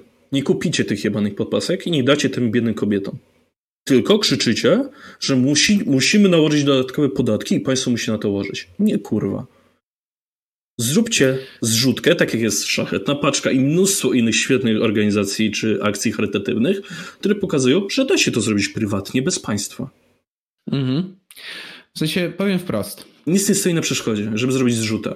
Skoro jebana partia Razem wypłaciła swoim naj, najwyższym, tym, jak ich nazwać, politykom, po, tak, zarządowi po 200 tysięcy na łebka e, do, dodatku, to nic nie stoi na przeszkodzie, żeby oni oddali z tego chociaż, nie wiem, 10 tysięcy złotych dobrowolnie na te jebane podpaski. No rzeczywiście pojawią się zaraz argumenty, że bo to jest dużo kobiet, to trzeba ogromne pieniądze zebrać, tylko Ale właśnie... to nie chodzi o to, że pomóc wszystkim, tylko chociażby części. Bo skoro Właśnie mówicie i krzyczycie, że to jest taki duży problem, to chociaż procent tego problemu zwalczcie. W sensie ludzie lubią wyręczać się dzisiaj kimś, zamiast sami podjąć inicjatywę. I tak, mnie też to boli w tym kontekście. Także czy eutanazja jest potrzebna? Nie, zdecydowanie nie. Znaczy tam wybijanie zaraz po przejściu na wiek emerytalny to jest nie Tak, właśnie, chciałem się do tego odnieść. E, ja rozumiem podejście banany, że teraz coraz większa ilość emerytów jest u nas problemem i będzie coraz większym problemem. Okej. Okay. Mhm ale ja bym bardziej poszedł w kierunku modelu japońskiego trochę, którego wprowadziła podejrzę chyba firma Toyota. Ale tutaj nie jestem pewny co do nazwy, bo, bo oglądałem dokument na ten temat wiele lat temu. Na co tam wpadł? E, wpadła ta firma. Mamy mnóstwo pracowników, którzy przychodząc na emeryturę, mają mnóstwo doświadczenia, znają spokojnie z 30-40 lat historii firmy pod kątem tej mhm. danej konkretnej fabryki. I szkolenie nowych ludzi polega głównie na tym, że przychodzisz, odpalasz prezentację PowerPoincie i mówisz robić tak, tak, tak, tak, wyglądało to tak, tak, tak, tak, tak, ewentualnie pójść, poprosić jakiegoś pracownika, żeby zrobić coś. O, właśnie tak to się robi. To robią głównie osoby, które dokonują szkoleń. Muszą mieć niesamowitą wiedzę, albo jeszcze zdolność do jej przekazywania. Mhm. I właśnie tak wykorzystano osoby przychodzące na emeryturę w fabryce w Toyocie. Zasugerowano im, zróbcie firmę szkoleniową i dajemy was mhm. do wszystkich fabryk w Japonii. Super pomysł. W Polsce jest mnóstwo pracowników, jakichś biedronek, didlów, fabryk, nie fabryk, mnóstwo rzeczy, gdzie osoby mają mnóstwo fajnej wiedzy, którą mogą być może przekazać. I to jest sposób na to, żeby oni w trakcie emerytury mogli sobie zarabiać i jednocześnie jeszcze się dokładać do gospodarki, no, która obecnie jest dosyć w słabym stanie u nas na przykład. Mhm. Także innymi słowy, mm, moim zdaniem, żeby poprawić sytuację demograficzną, trzeba by zacząć od zmiany kultury, a to nie jest bardzo proste. To nie jest bardzo proste. Wymagałoby tego, żeby ludzie umieli trochę autokrytycznie na siebie spojrzeć. W sensie, ja co autokrytycznie mogę na siebie spojrzeć, to to, że muszę schudnąć, ale yy, poza tym to, no, Dawid jesteś akurat świadkiem, że ja przepracowuję różne tam yy, kwestie od wielu, już wielu właściwie lat i no dzięki temu jakoś się staram usprawnić jako jednostka, żeby potem faktycznie być trochę lepszym dla otoczenia najbliższego, ale też powiedzmy w tej działalności YouTube'owej, tak, żeby nie wiem, nie, nie wprowadzać ludzi celowo w błąd, czy żeby nie, mm, nie dokonywać po prostu takiej banalnej, prostej analizy problemów, bo jest gdzieś głębsza prawda, tylko cholera, żeby do tej głębszej prawdy się dokopać, trzeba często gęsto no, trzeba często gęsto poświęcić troszeczkę czasu i uwagi, na co dzisiaj ludzie nie mają, nie mają chęci, bo, bo liczy się tylko ja, moje satysfakcja, moje potrzeby. A to, że są inni ludzie z różnymi potrzebami i że to czasem potrzeby skonfliktowane, to już nikt na to nie patrzy. Tak, i mamy tutaj e, takie krótkie pytanie od e, koło Grzmota, jeśli dobrze przeczytałem. E, jaki jest sens życia?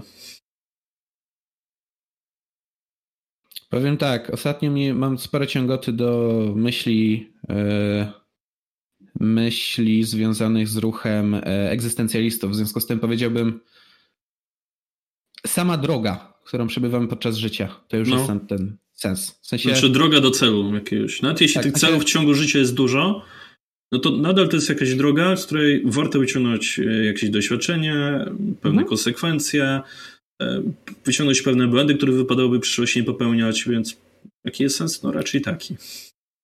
Ja szczerze powiedziawszy to ten... Y, ja, ja, lubię taką koncepcję, według której powinniśmy wyznaczać sobie cele nieosiągalne i do nich dążyć. Dzięki temu jakby zawsze będziemy się usprawniali w jakiś sposób, ale um, moim zdaniem trzeba radochę odnaleźć w tej drodze, w tych takich codziennych drobnostkach nawet, odnaleźć odrobinę szczęścia, nie wiem, w, w rozmowach z przyjaciółmi, w, nie wiem, wyjściu kurczę na świeże powietrze, czy no teraz to będzie z tym trochę problem, ale, ale moim zdaniem po prostu trzeba nauczyć się cieszyć z tego, co się już ma i myśleć o tym, jak mogę się usprawnić, żebym miał jeszcze więcej rzeczy, których się mogę cieszyć i które wiem, że ze mną zostaną.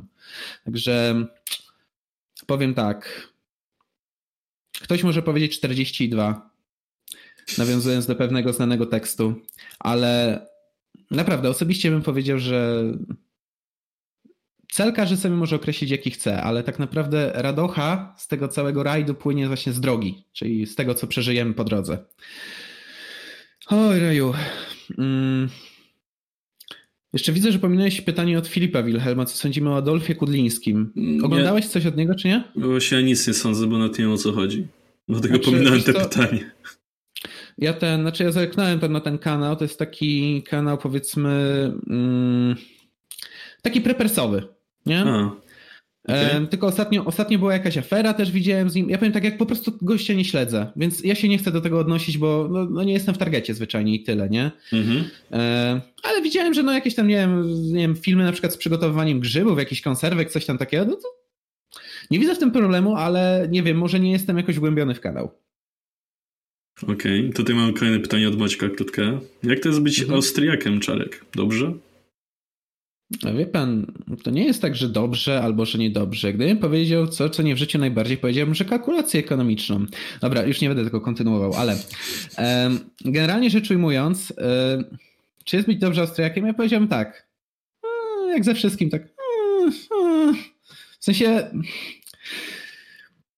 jako Austriak mogę być potraktowany jako dziwak, odludek, szur i niektórzy czasem może wysłuchają moich argumentów. Także czy jest dobrze? No bywa różnie, ale uznajmy coś. Nie siedzi się w idei dla dlatego, żeby się czuć dobrze, tylko dlatego, żeby o nią walczyć i się zabijać, tak? Także. znaczy. Powiem tak, bycie Austriakiem czasami pomaga, czasami nie. Pamiętam, na uniwersytecie miałem jedną spinę z jednym profesorem, bardzo poważną, bo zupełnie nie trafiały do niego argumenty, jakie stosowałem, wyciągając je z e, austriackiej teorii. I najgorsze, że gość był historykiem ekonomicznym, także ja już to przemilczę, ale już pamiętam. Byli też, byli też naukowcy, którzy autentycznie zaciekawili się inną perspektywą i chcieli coś z tego zgłębić. Także ja bym powiedział, że no nie jest tak, że dobrze czy niedobrze. Kwestia do tego, na jakich ludzi trafisz i w jakie interakcje wejdziesz, bo ja mam i takie już takie doświadczenia. Mm. Astro nieznajomy nas też zapytał, co jest złego w transhumanizmie? Przecież oczywistym jest, że celem postępu technologicznego jest dojście do czegoś wyższego. Oczywiście, że tak, ale nie za wszelką cenę.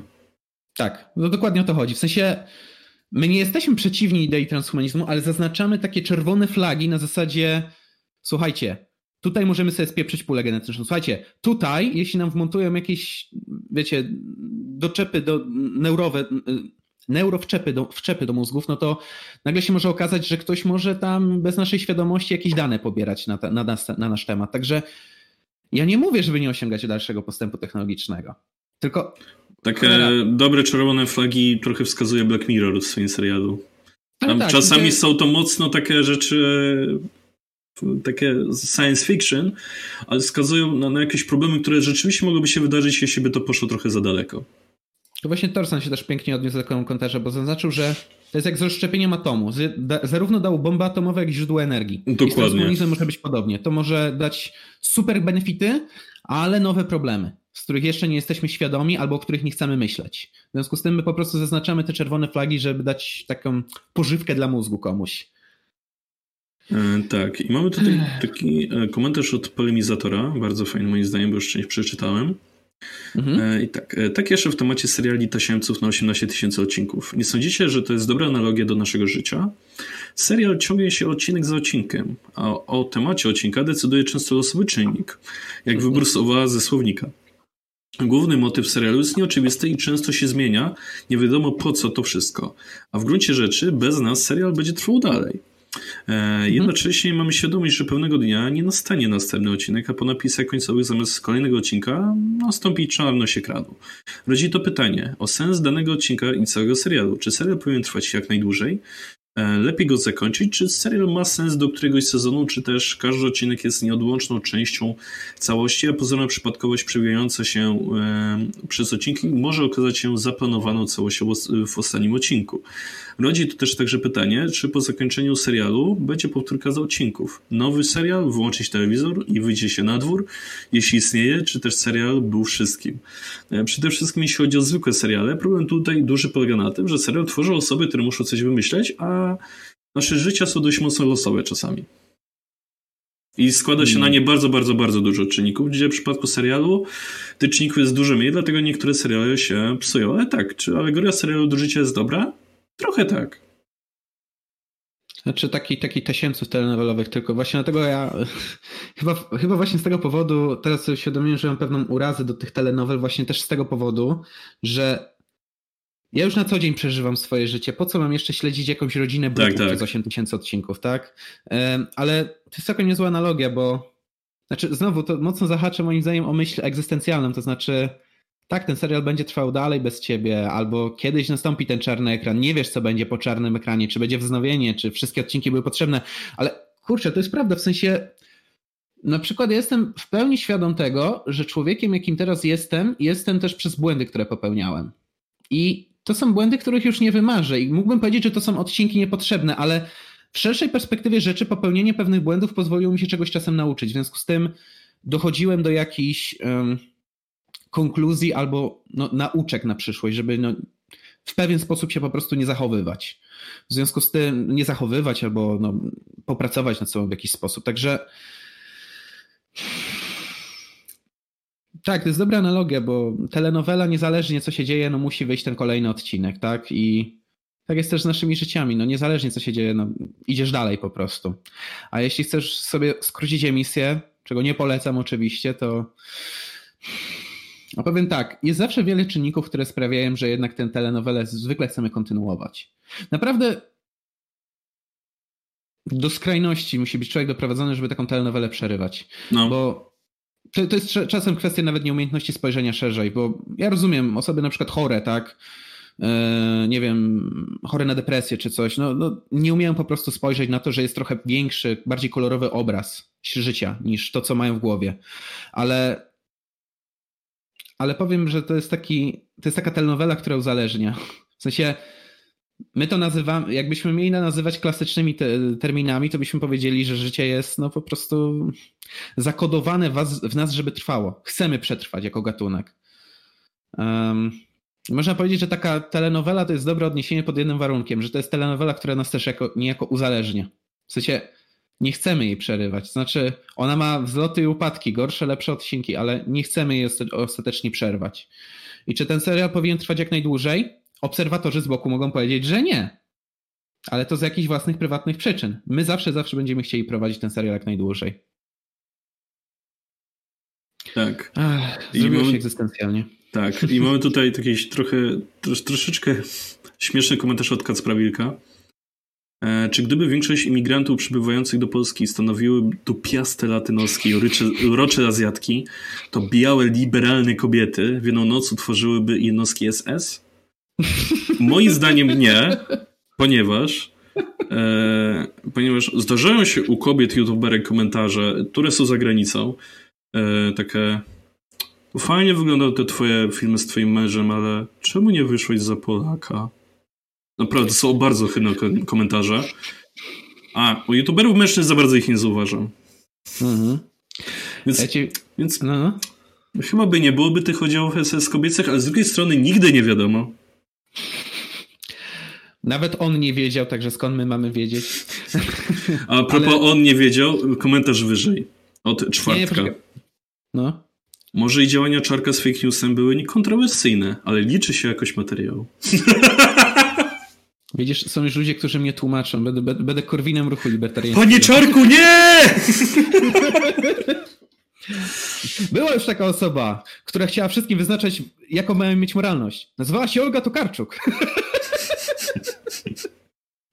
Ale tak jeszcze, jeszcze wracając do komentarza Kacpra, to wiesz co, mam takie, takie dość ciekawe skojarzenie, bo ja prowadziłem taką bardzo ożywioną dyskusję z naszą wspólną kumpelą, Olą, pozdrawiam Ola, e, o tym, jak bardzo różni się nasza kultura od takiej trochę bardziej na wschód. Mm -hmm. Ola oryginalnie pochodzi z Ukrainy i mówi, ona jest tak zszokowana postawą Polek wobec mężczyzn, że to w głowie jej się nie mieści. Na zasadzie dostrzega po prostu ogromną instrumentalność kobiet w Polsce w porównaniu na przykład, że na wschodzie jest więcej tej takiej serdeczności, faktycznego chęci oddania się komuś, tak dalej, tak dalej, nie?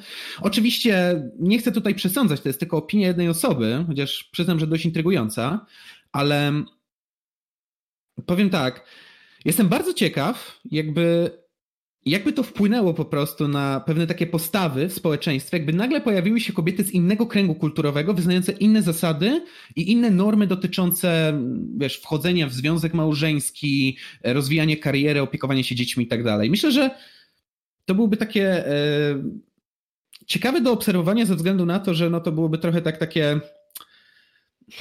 Mam wrażenie, że wtedy mógłby nastąpić nawet, nie wiem, wśród niektórych bardzo sfrustrowanych kobiet tym, że już nie mogą dyktować wszystkiego, bo, bo mm. po mhm. prostu pojawiły się kobiety, które są wobec nich konkurencyjne i nie wiem, no po prostu akceptują. Wolny rynek kobiet. są. Y, mam wrażenie, że pojawiłby się jeszcze jeden nowy ruch feminizmu, który by powiedział, że są kobiety, które kobietom odbierają prawo głosu i 22 fala feminizmu. Ja naprawdę jestem ciekaw, w jaki sposób społeczeństwo polskie by na to zareagowało. W sensie takie masowe pojawienie się kobiet z innego kręgu kulturowego. Naprawdę byłbym tego ciekaw, ale to tak czysto sobie tylko teoretyzuję na bazie tej jednej rozmowy, także niech nikt tego nie bierze jako prawdy objawionej czy coś. Yy, tak, co tutaj mamy dalej? Yy, tutaj mamy pytanie również od Kaspra o tym, co sądzimy o Juliu... Juliusie... Juliusie Ewoli. Tak. E, oraz jego twierdzeniu, że Amerykanie są żywym zaprzeczeniem kartezjańskiego myślę, więc jestem. Nie myślą, a mimo tego są. Znaczy, ja chyba dokonuję wszelkich starań w czasie briefów, żeby opisać Ameryka upada na naszych oczach. Także może znaczy... Kartezjusz był troszeczkę absolutny, jak to twierdził, ale znikanie nie musi się odbywać na pstryknięcie palcem. W przypadku państwa może trochę trwać, ale wiecie, poza no, tym w czasach... upadał dobry wiek, nie? Tak, poza tym w czasach Kartez... Kartezjusza no, raczej nie mieliśmy dostępu do targetowania mikrobehawioralnego, do tworzenia banik informacyjnych na takim poziomie, jaki to jest dzisiaj, więc no nic dziwnego, że mógł się trochę przestrzelić. Także ja nie mówię, że to jest zaprzeczenie, tylko mówię, że ten proces postępuje w rzeczywistości troszeczkę wolniejszym się wydaje. Dobrze. Tu jest kolejne pytanie od Zdzisława Jabłońskiego. Cześć. Ostatnio miałem ciekawą rozkminę. Otóż wydaje mi się, że argument moralny przeciwko istnieniu Boga, skoro Bóg jest dobry, to czemu zwierzęta cierpią, obalił Ludwik von Mises w planowanym chaosie. Otóż, tak jak w gospodarce ludzie widzą tylko część danych i próbują zmieniać ją poprzez yy, poprzez tak ludzie widzą w przyrodzie tylko cierpienie zwierząt, a nie widzą, że te organizmy, które nie odczuwają bólu, radzą sobie gorzej. Tak jak Mises przestrzega przed ingerencją w gospodarkę, tak jak przestrzegam przed pochodnymi oceniami bólu jako czegoś złego.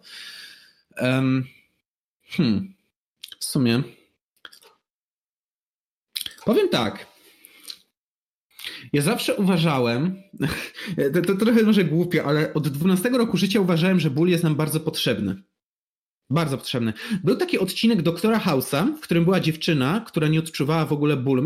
Jaki, coś tam miała z nerwami i mhm. wiesz, złamałaby rękę, ona by nie wiedziała, że złamała tak, rękę. Tak, tak, tak. Właśnie chciałem to powiedzieć, że są schorzenia właśnie układu nerwowego, które polegają na tym, że nie odczuwamy bólu w ogóle i te osoby mają przerąbane chyba co miesiąc albo co pół roku, już nie pamiętam to dokładnie, jadą na badania dosłownie wszystkiego, co dotyczy ich ciała rentgeny, tak, prześwietlenia, e, badania krwi, badania wszystkiego od góry do dołu, nie?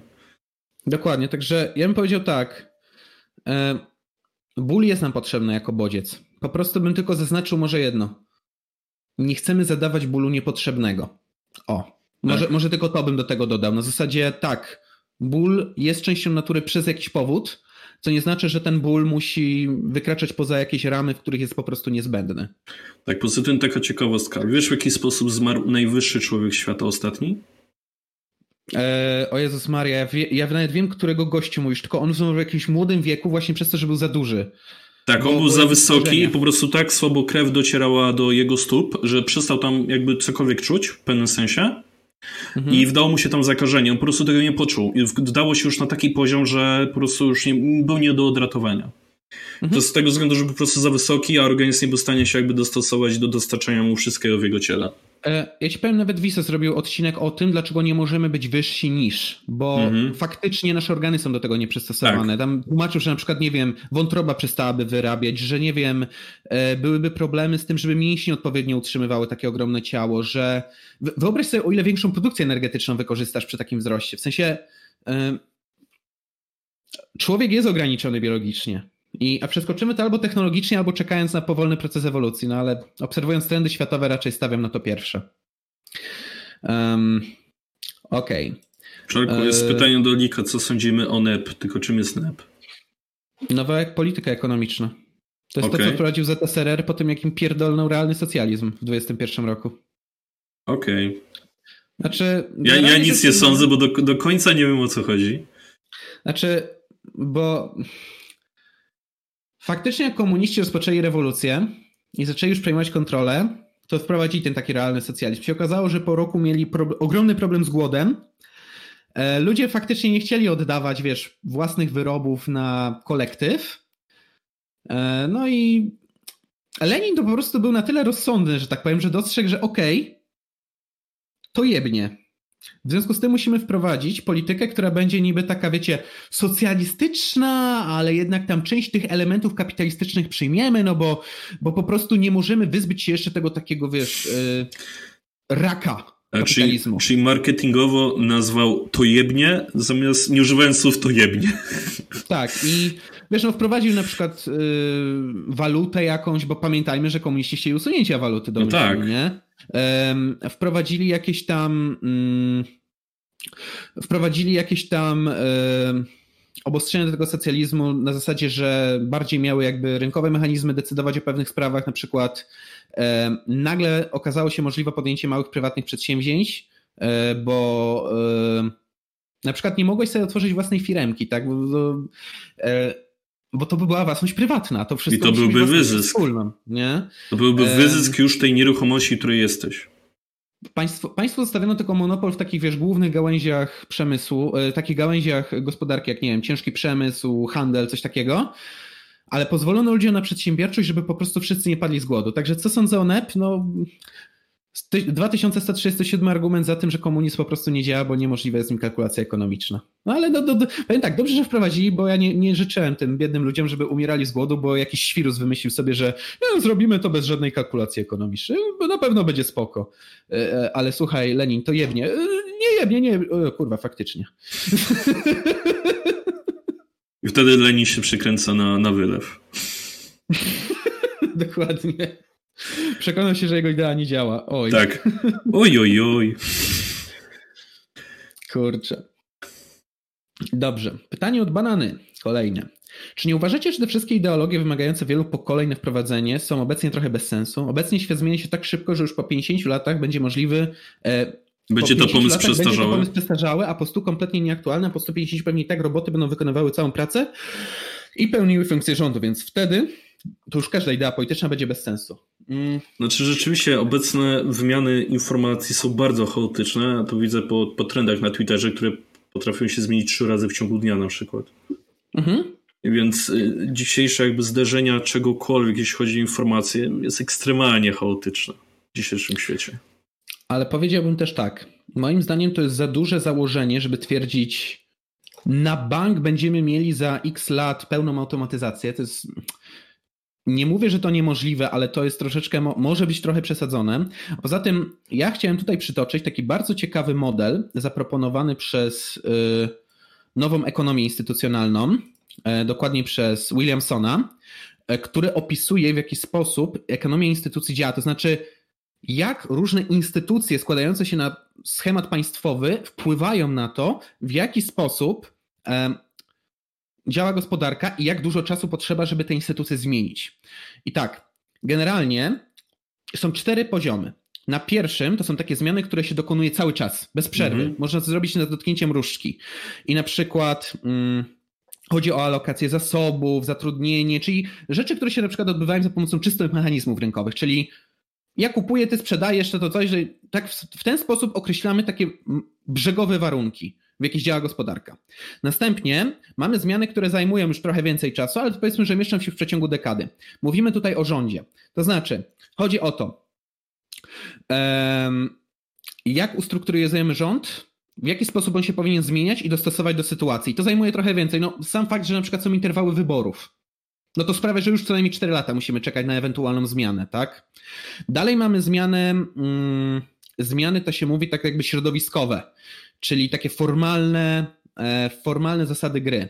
No i tutaj chodzi o takie szeroko pojęte polityki, przepisy, biurokrację. W sensie faktycznie, jak przeanalizujemy cały system biurokratyczny państwa, on się zmienia bardzo wolno, nawet do 100 lat. W sensie Zupełnie inaczej wyglądała biurokratyczna Ameryka, powiedzmy, na początku XX wieku, niż wygląda na początku XXI.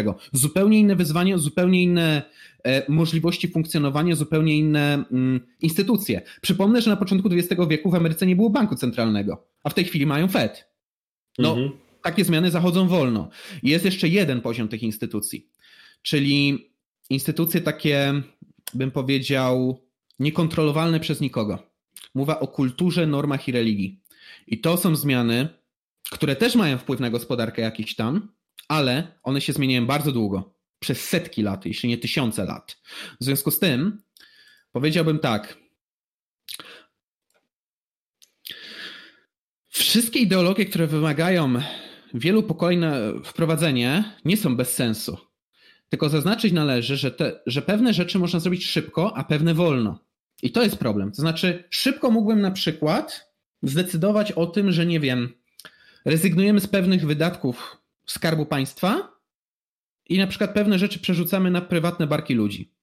Ale to nie znaczy, że ludzie są już kulturowo na to gotowi.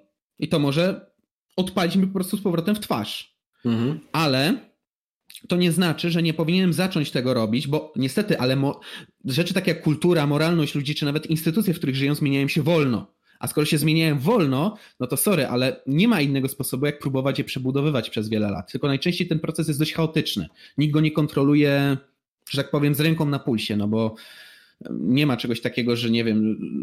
No przyznam, że to był pewien atut monarchii, to znaczy dziedziczność i odpowiedzialna, o, indywidualna odpowiedzialność za dobra, które wytwarzasz, y, które, y, za dobro, którym jest państwo. W sensie, jak państwo źle sobie radzi, ty też sobie źle radzisz jako władca, nie? Więc władcom zależało, żeby takie zmiany czy reformy przeprowadzać w dłuższym okresie. Natomiast rządom demokratycznym niekoniecznie na tym zależy i to jest pewien problem, bo ich pomysły są co najwyżej pomyślane na te, takie zmiany do dekady, czyli te takie zmiany na przykład przepisów. Ale nie myślą o tym, że za tymi zmianami przepisów powinny iść jeszcze kolejne instytucje, żeby to się ładnie zazębiło w pełny system. No ale powtórzę, czego ja mam się spodziewać po wiesz, ludziach, którzy wypieprzają 70 milionów na wybory, wybory które się nie odbywają i mówią, że demokracja kosztuje. No. Także to nie jest bez sensu, tylko to jest kwestia tego, że rzeczy takie jak kultura, religia czy instytucje zmieniają się po prostu wolniej. Ale jeśli już powiedzieliśmy A, powinniśmy też mówić B. Tylko niestety za 4 lata pojawi się rząd, który powie, a ja mam inne B. No i tak się kręcimy w koło Macieju. O, o, a propos monarchii. Pytanie od Piotra Niedzieli. Budzicie się 7 września 1764 jako Stanisław August Poniatowski, dzień po koronacji. Jakie macie plany na odbudowę i ratunek państwa? O boż. To już pytanie bardziej do ciebie, bo ja z historii trochę noga jestem. Szczerze to ten król już wiele nie mógł zrobić. Szlachta już była tak rozpasana, że ja pierdzielę. Nadużycia związane z prawem weta na porządku dziennym były praktycznie. I znaczy, król musiałby podjąć nie, ekstremalnie niebezpieczny gambit, moim zdaniem. To znaczy, musiałby w jakiś sposób przewalczyć szlachciurów, którzy mieli przecież ogromną kasę i wpływy za granicą. Musiałby przewalczyć trzech władców, którzy sobie już ostrzeli zęby na Polskę. No i przede wszystkim nie ruchać się z Katarzyną Wielką. E, generalnie rzecz ujmując, powiedziałbym tak. Cała ta sytuacja jest nie do pozastrzeżenia temu królowi. Ja na przykład bardzo, bardzo byłem zdenerwowany na to, jak tego króla przedstawiono w filmie Historii bez cenzury. Bo po prostu stwierdzono, cipa, która nic nie zrobiła. W rzeczywistości był w tak, w tak złej sytuacji geopolitycznej, że żebyśmy mogli powiedzieć, że on mógł coś zrobić, to musielibyśmy się cofnąć ze 100 lat i już wtedy zacząć coś naprawiać. Także jakbym się obudził jako Stanisław August Poniatowski, to bym stwierdził, hmm, walka ze szlachtą i pewna śmierć, cycki Katarzyny. Wybieram cycki Katarzyny. Sorry, rozumiem tego faceta trochę, wiesz? Nie mógł nic zrobić. Władca już nie miał żadnej namacalnej władzy wówczas. Mhm. Także tak. Okej, okay, tutaj, tutaj natrafiłem na komentarz Meduzy, ale jak zwykle jest ekstremalnie długi. Wiesz co, bo tutaj jest w ogóle kilka takich pytań o tę nieśmiertelność, nie? Tak, tutaj to jest wątek, który mocno się jakby powtarza. Ja bym powiedział tak może, bo ludzie widzę, że różnie pojmują nieśmiertelność, bo dla niektórych na przykład nieśmiertelność oznacza, nie musi, że nie musisz korzystać z dóbr takich jak jedzenie. W sensie, jak jesteś nieśmiertelny, nie powinieneś musieć jeść, żeby przeżyć, tak? No tak. A ja zakładałem raczej nieśmiertelność na zasadzie możesz umrzeć, ale jeśli będziesz zapewniał swojemu organizmowi paliwo, no to będziesz żył, żył, żył i żył. W związku z tym, tutaj też się odnosząc na przykład do pytania banany, bo pytał, czy nie uważamy, skoro już dzisiaj jest taki niski przyrost naturalny, to w przypadku nieśmiertelności tylko by zmalał. Zgodzę się, że nieśmiertelność zniechęcałaby do posiadania dzieci. No bo, że tak powiem, dzieci musiałoby się rodzić ekstremalnie mało, tylko żeby zrekompensować ludzi, którzy zginęli w wyniku jakichś nieszczęśliwych wypadków. Jeśli śmierć byłaby dostępna, tylko po prostu no, trzeba sobie na nią zasłużyć, nie wiem, no, skoczyć z dziewiątego piętra, tak? Generalnie rzecz ujmując, e, powiedziałbym, że mm, problem związany z nieśmiertelnością jest taki, że Zauważyłem, że w tej naszej dyskusji wcześniej powinniśmy chyba bardziej precyzyjnie zdefiniować, co, o co chodzi nam z tą nieśmiertelnością, bo zauważyłem, że ludzie po prostu zaczęli dochodzić do różnych konkluzji, bo różne założenia mieli na ten temat, mhm. nie? Um, no i właśnie Meduza też tutaj rozwija, że, że, są różne rodzaje nieśmiertelności, tak? I ze względu na to, no. Um, ze względu na to byłyby. Różne rodzaje rodzą tak, różne tak. problemy. Tak. Dokładnie. I ja bym powiedział tak bo piszesz, Meduza, że, że fajnie byłoby w sumie być nieśmiertelnym i żebyś skorzystał z takiego czegoś. No, ja powiem tak, ja trochę o tym myślałem, szczerze powiem, i ja bym chyba nie skorzystał z tej okazji. Ja bym chciał może pożyć dłużej. Powiedzmy plus 50 lat to spoko, jeśli bym utrzymany był oczywiście w miarę dobrej kondycji fizycznej, ale kurczę, wieczne życie jakby wszyscy dookoła byli wiecznie żywi, no to, to może jeszcze pół biedy, ale być wiecznie żywym w świecie, gdzie wszyscy inni przemijają, to dla mnie jest przerażająca wizja. Wiesz, nie możesz się tak naprawdę nikogo przywiązać, bo wszyscy przeminą. Nie no. możesz zaangażować się w żadną sprawę, bo wszystko wydaje ci się trywialne i przemijające. Znaczy, wiesz co, może mógłbyś się zaangażować w coś powiedzmy naukowego, nie? Bo nauka się de facto rozwija nieskończoność. Trochę. Mm. Więc tam co chwila możesz się zaangażować w jakiś nowy etap nauki, nie? Bo to już ma jakiś były... sens. Tak, to jeszcze w komentarzu Meduzy były takie rzeczy jak na przykład yy, jeśli nieśmiertelność oznacza odporność na śmierć, to też znaczy, że wiecznie byśmy cierpieli katusze. Na przykład załóżmy, że jesteś nieśmiertelny i wyrzucają cię w środku pustki kosmicznej. Czy to oznacza, że bez przerwy będziesz odczuwał brak tlenu i zimno, ale nie umierasz? No. Um, jeszcze dołóżmy do tego, fajny jest tutaj ten wątek z religią w tym komentarzu, bo co by się stało, gdyby Mykojedyny nigdy nie umarł i wciąż żył podczas sądu ostatecznego na Nowej Ziemi? Co na to Bóg zbawieni? A co gdyby ciebie uznano za Boga? Gdybyś przeżył jako jedyny jakąś katastrofę i nieliczni ocalali jeszcze, widzieliby cię jako, wiesz, kogoś, kto dosłownie przetrwał apokalipsę. E, tak, i budzi się jako Jezus Chrystus. Coś takiego. Co byś odczuwał w wyniku tego, że no, powiem tak, Dyskusja na ten temat powinna być trochę bardziej ustrukturyzowana, ale mnie osobiście po prostu przeraża wizja wiecznego życia. Uważam, że mniej z tego korzyści niż pożytku, bo chyba jestem po prostu osobą, która nie chciałaby żyć bez bliskich, bez potrzeby zaangażowania się w relacje. Wiesz, skoro jestem nieśmiertelny, to po co? Mhm. Także chyba nie byłbym w stanie znieść takiego po prostu cierpienia. No dobra, ale teraz takie dwa pytania. Tematy z Nikon 5 i 6 od Meduzy. Co myślicie o nadchodzącej generacji konsol pod kątem marketingowym? Moim zdaniem jako PC Master Race to Xbox ładnie to ugrał. Jak ty sądzisz, tak. Dawid? Znaczy ja już wspominałem chyba po poprzednim odcinku, że e, tak, tam gdzie padło pytanie o to, to, to, co będzie się działo za 10, 20, 50 lat, nie? Co uważamy? No to mhm. powiedziałem, że świat idzie w bardzo ciekawym kierunku i właśnie pod kątem konsol Microsoft robi zajebistą robotę. Stwierdził, dobra, może nie będziemy w stanie wydawać tak fajnych ekskluzywów, zwłaszcza, że mamy też Windowsa, które byśmy wtedy pokrzywdzili, jakby nie patrzeć, nie? Mhm. Byliśmy w tym kierunku, w kierunku właśnie niedzielnych graczy, nie? Żeby zrobić taki casualowy graczy, gdzie też nam to wytknięto, czytałem ten komentarz, że powdzięka stamowych, przepraszam. E, pójść właśnie w kierunku casualowych graczy, którzy nie mają dużo pieniędzy, nie mają dużo czasu na granie. Dajmy im tyle gier, ile się da im sobie grając, im się podoba. Chcą FIFA, mają FIFA. Chcą Force, Force Horizon, mają Force Horizon. Chcą dać dziecku pograć w piratów, to to dają im ten Sea of Thieves, nie? Super. Ale w sumie się potwierdza coś, co, o czym rozmawialiśmy niedawno. Tak, są graczy hardkorowych, kupują BDSD. No, ale nie, chodzi o to, że jesteśmy, rozmawialiśmy niedawno też na temat tego, że wszystko idzie trochę w abonament i trzeba sobie po prostu zbudować jakby dobre, dobre zaplecze. Trochę jak portal streamingowy, który przygotowuje się do wejścia na rynek. No musisz mieć po prostu pakiet, żeby ludzi przyciągnąć, nie? I pod tym kątem... No w ten sposób sobie w kolano bardzo mocno strzeliło Google Stadia, nie? Tak. Bo właśnie e... pod kątem streamingowym Microsoft też to świetnie rozgrywa teraz. Tak, bo tak, chce dokładnie. wgrać swoją platformę i stwierdzi wszystko, co mamy jest dla was.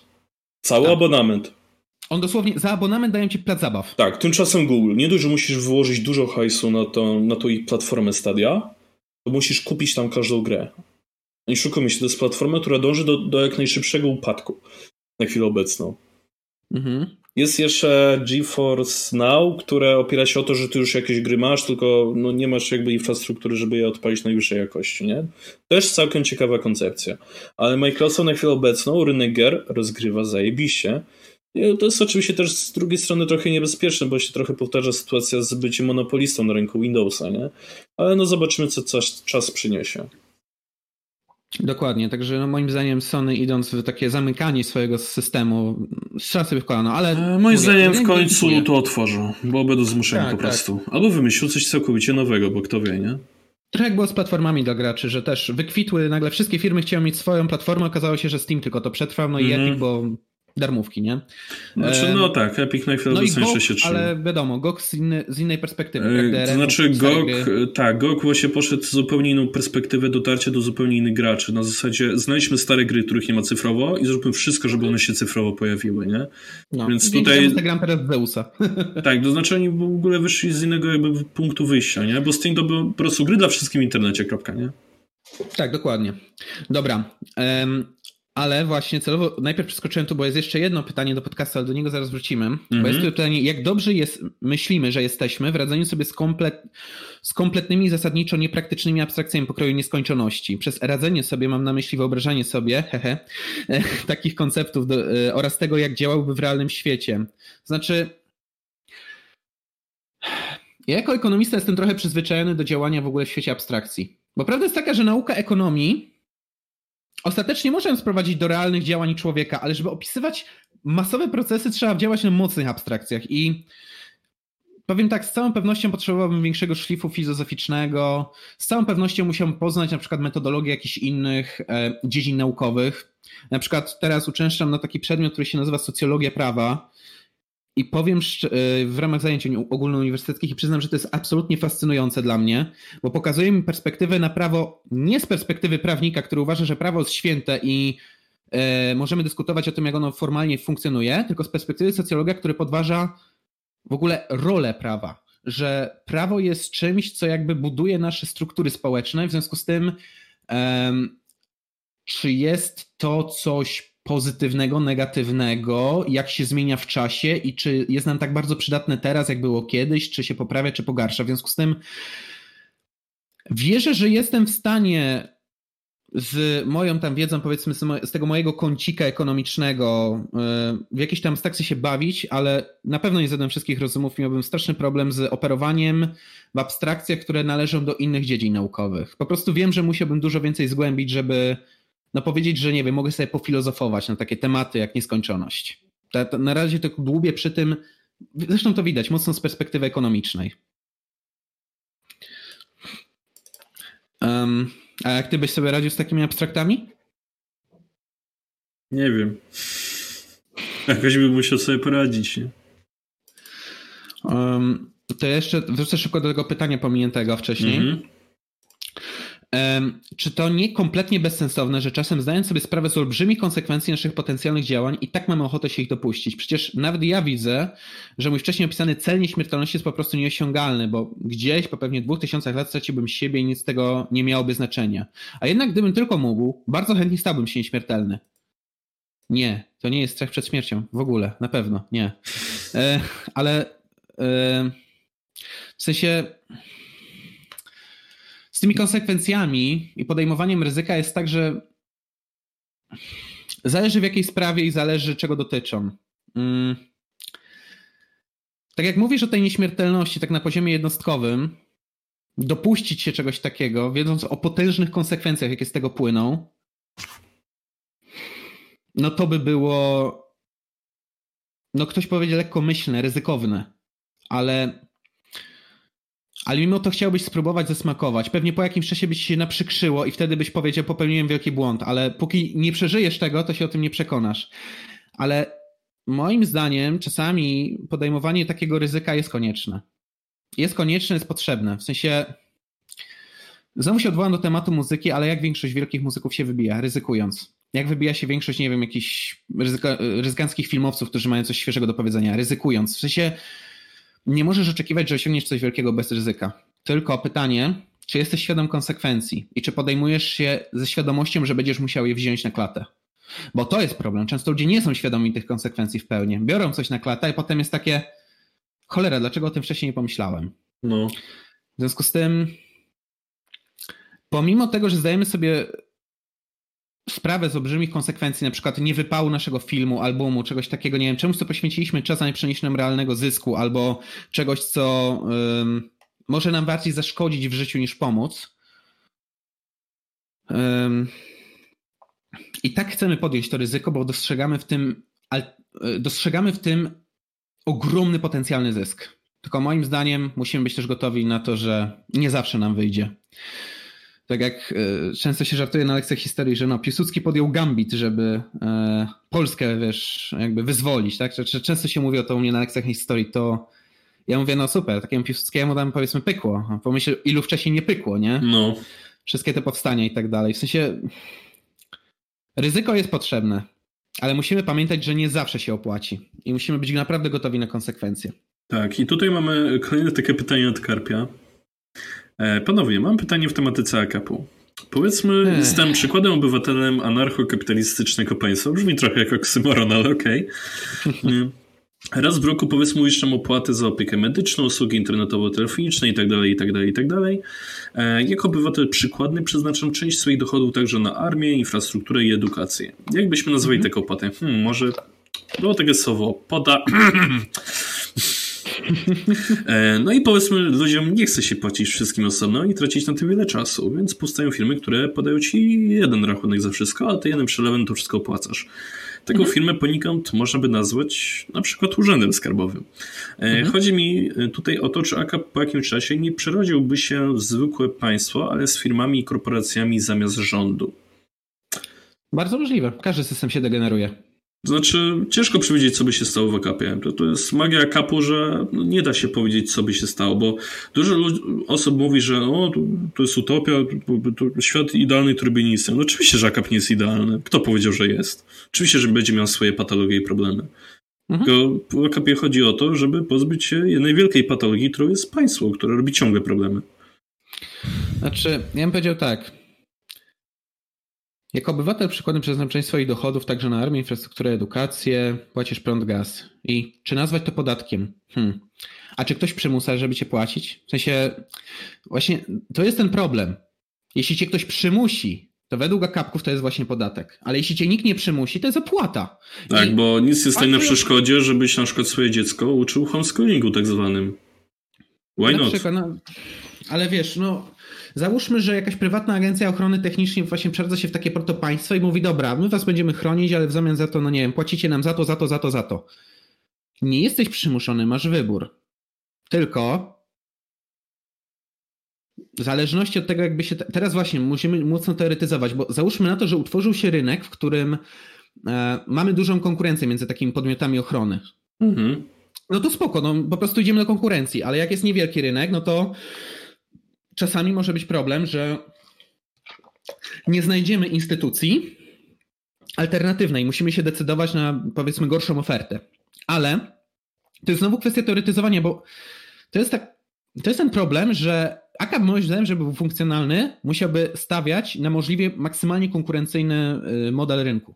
Znaczy, musielibyśmy za wszelką cenę, jak ognia, unikać wszelkich monopoli czy dominacji na rynku w jakiejkolwiek sferze, bo to by powodowało właśnie tego typu degenerację, o której tu piszemy, tylko e, o której tu pisze Karp. Tylko właśnie um, jeśli takie firmy przejęłyby taką kontrolę, że wręcz zmuszałyby do tego ludzi, no to tak, deewoluują znowu w państwo. To jest norma. Ale jeśli było, wierzę, że jeśli byłoby po prostu tutaj dość duże rozbicie podmiotów i żaden nie miałby po prostu siły, aby kierować rynkiem, to nie, właśnie decyzja zostaje wtedy w rękach obywateli, w, w, w rękach indywidualnych podmiotów. Tylko właśnie, przewidywać taki system, no jest moim zdaniem w tej chwili ciężko, dlatego ja mówię, jeśli nawet AKA gdzieś tam jest, to jest miliony lat przed nami, kiedy ludzie nabiorą odpowiedniej postawy, jeszcze dodatkowo trzeba by jakoś sprytnie rozmontować wszystkie państwa na w związku z tym to jest tylko w, w obszarze teorii, tak? No. Nikt nie mówi o tym, żeby teraz wprowadzać AKAP, tylko mówi o tym, jakby to mogło funkcjonować, gdyby teoretycznie doszlibyśmy do punktu, w którym jest to możliwe.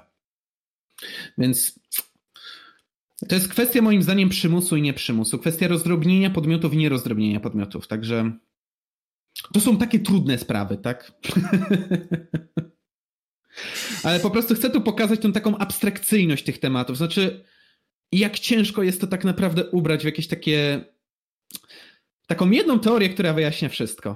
To jest tak kurczę ciężkie, że teoretycy właśnie kapu właśnie z tym się męczą, że żeby tak zrobić taką uniwersalną teorię na ten temat. No i nie da się, bo ciężko przewidzieć zmienne, które wpłyną na to, jak ostatecznie będzie funkcjonował, jak ostatecznie będzie funkcjonował taki system, jak, jak w sposób moglibyśmy do niego dojść, jakie byłyby problemy po drodze. No, to jest tak naprawdę ogromne pole do dyskusji. Tak, i Ale tutaj... tak, degeneracja jest możliwe. Tak, i mamy tutaj fajny komentarz od e, Sheriff of Internet e, odnośnie idei łamania napu wobec zwierząt. E, twierdzi, że jest absurdalna, nielogiczna i podaje powody. Skoro można złapać nap wobec zwierząt, to są dwie opcje. Pierwsza, zwierzęta mają prawa, ale też obowiązki, więc same mogą złamać nap wobec ludzi i innych zwierząt, więc można je karać na przykład za naruszenie praw własności ludzi i innych zwierząt. Mhm. Ciekawe, czy zlanie się na cudzy krzak się pod to liczy. swoją no. drogą. I po drugie, zwierzęta mają prawa bez obowiązku, więc same nie mogą złapać napu, czyli jak zwierzę naruszy prawo własności, to nie można go ukarać, ale człowieka za zabicie go już tak. Analogicznie możemy mieć takie prawo u ludzi, na przykład czarny może zabić białego, a biały nie może się bronić. Um, a czy powiedziałbym tak, na wobec ludzi i innych zwierząt. Um, ja dlatego mówiłem, przy okazji tego tematu, że to nie byłby pełny nap, to byłby bardzo ograniczony nap, w którym dużą, no część odpowiedzialności za zwierzę ponosiłby właściciel zwyczajnie. W sensie e, nie powiedziałbym, że NAP stosuje się wprost do zwierząt, bo faktycznie one nie mają, nie mogą pełnić pewnych funkcji, bo jeśli spełni się ten pierwszy punkt, czyli zwierzęta mają obowiązki, to wracamy do średniowiecza, kiedy świnie potrafiono powiesić na haku za to, że e, nie wiem, zjadły dzieciaka. Takie akcje były we Francji średniowiecznej. E, no bo uważano, że wszystkie istoty są istotami boskimi, w związku z tym podpadają pod prawa boskie, w związku z tym trzeba je ukarać tak jak człowieka, nie? To byłby pewien regres. Ale zwierzęta mają prawa bez obowiązków, więc same nie mogą łamać napu. No tak, tylko wtedy mówię, ta odpowiedzialność spadałaby niejako na właściciela. W związku z tym, tak, ja się zgodzę z tym, że nap nie może być stosowany bezpośrednio do zwierząt, bo po prostu nie mają rozwiniętej na tyle kory mózgowej, żeby myśleć takimi abstraktami, ale Generalnie rzecz ujmując, mm, jakaś forma pewnej takiej nietykalności tych zwierząt musiała moim zdaniem być zachowana. W sensie nawet chodzi o to, żeby nie zadawać im zbędnego cierpienia i żeby w razie co, y, że tak powiem, zabrzmi źle, ale takie naruszenie mienia, jakim jest zwierzę, żeby właściciel mógł jakkolwiek po prostu o to kogoś oskarżyć, żądać rekompensaty i tak dalej.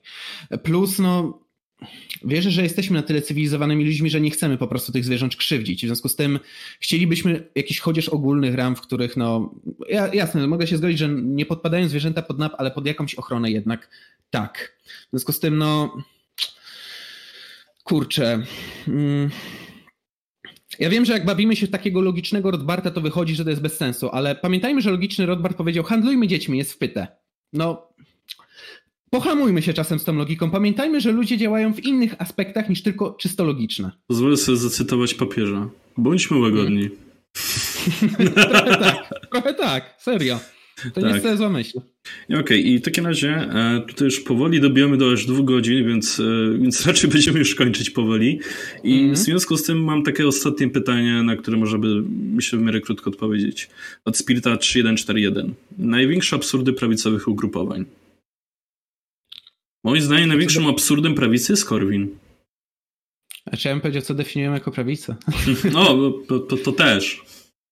Ale jeśli, jeśli patrzymy na środowiska około konfederacyjne, sorry, ja ich będę jechał za... Ja, ja, ja już czytałem różne argumenty ludzi za tym, że popieranie ślórskich ugrupowań jest, wiesz, w imię walki o prawa obywatelskie i tak dalej, ale to jak potrafi być konfa momentami w tym niemerytoryczna. Tak, właśnie nie, nie Korwin, Brown...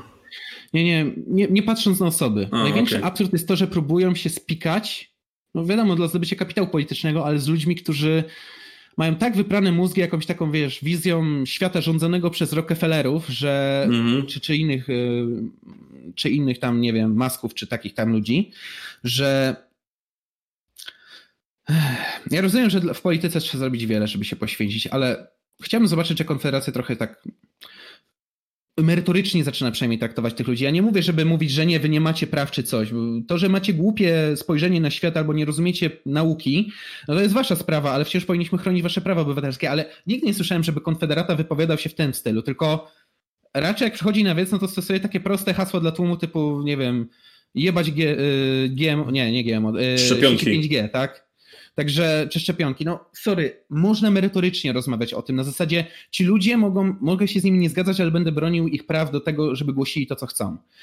Ale niestety konfederaci nie umieją w to się bawić i no przez to budują moim zdaniem sobie bardzo zły PR i to jest moim zdaniem ich największy absurd, że nie umieją się od tego odciąć. Jest dla nich jak narkotyk jakiś mam wrażenie. No niestety, to znaczy ja mam wrażenie, że trochę Mencen wspominał o tym rozmowie z Moniką Jaruzeską, że polityka buduje się na emocjach i po prostu w to poszli, nie? Hmm. E, ale właśnie boli mnie to, że trochę za bardzo, nie? Że już się o nich nie mówi jako o ruchu wolnościowym, który jest e, antysystemowy, e, tylko po prostu inna strona trochę tego samego medalu, tak naprawdę, nie? Wiesz, no, zobaczymy tak naprawdę, co najbliższe lata przyniosą, bo pamiętajmy, że najbliższe wybory za dopiero za parę lat, ale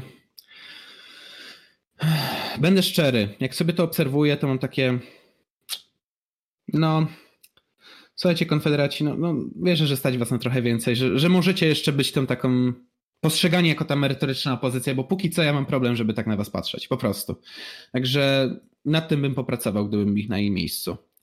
Um, jasne, ja się mógłbym przyczepić do pojedynczych osobników, ale myślę, że to jest taki generalny problem tego środowiska, taki takie przywiązanie się do pewnych grup, dlatego że ktoś powiedział, że tak trzeba zrobić, albo dlatego, że na tym można zbić kapitał polityczny. No,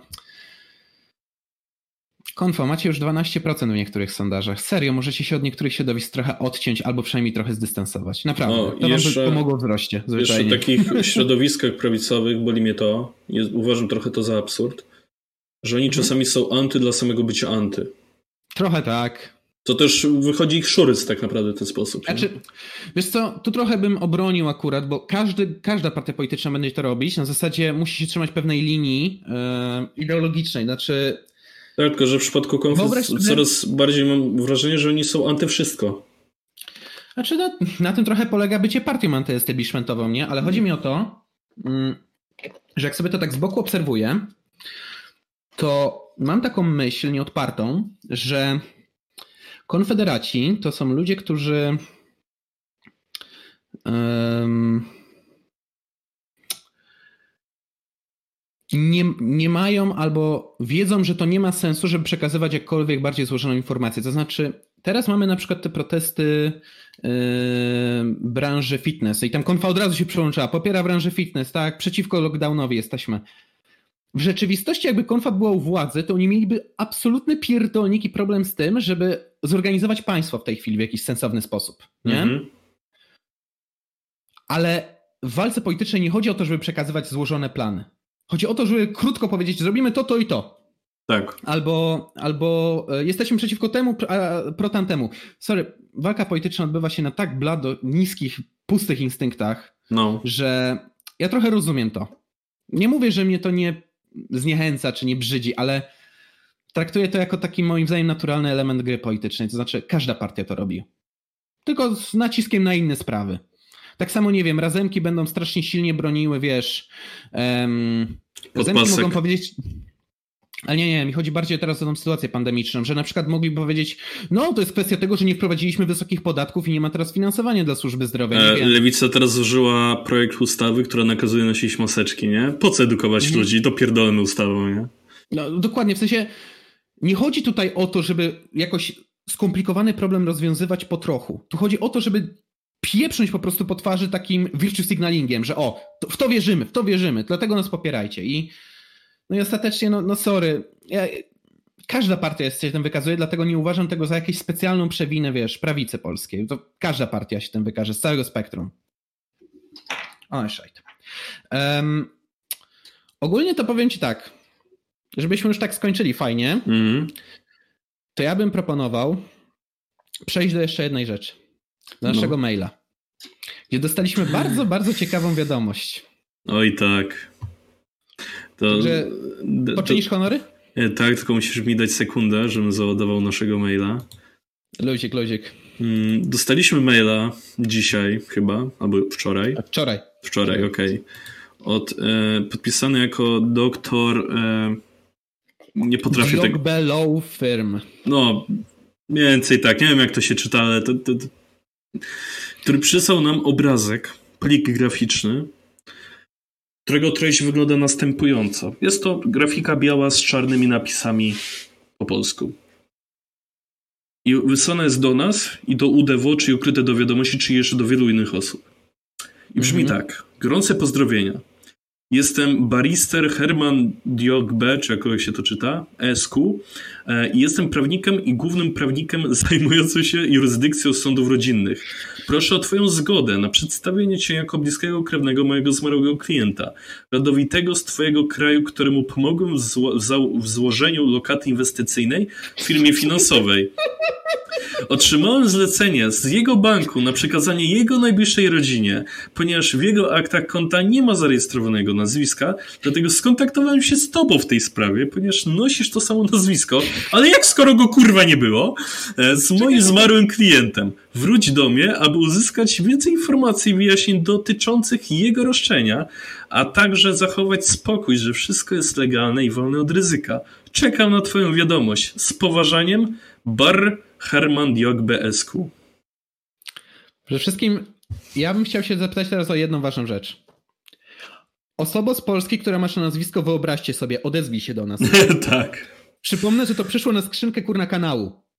Nie na prywatną skrzynkę któregoś z nas.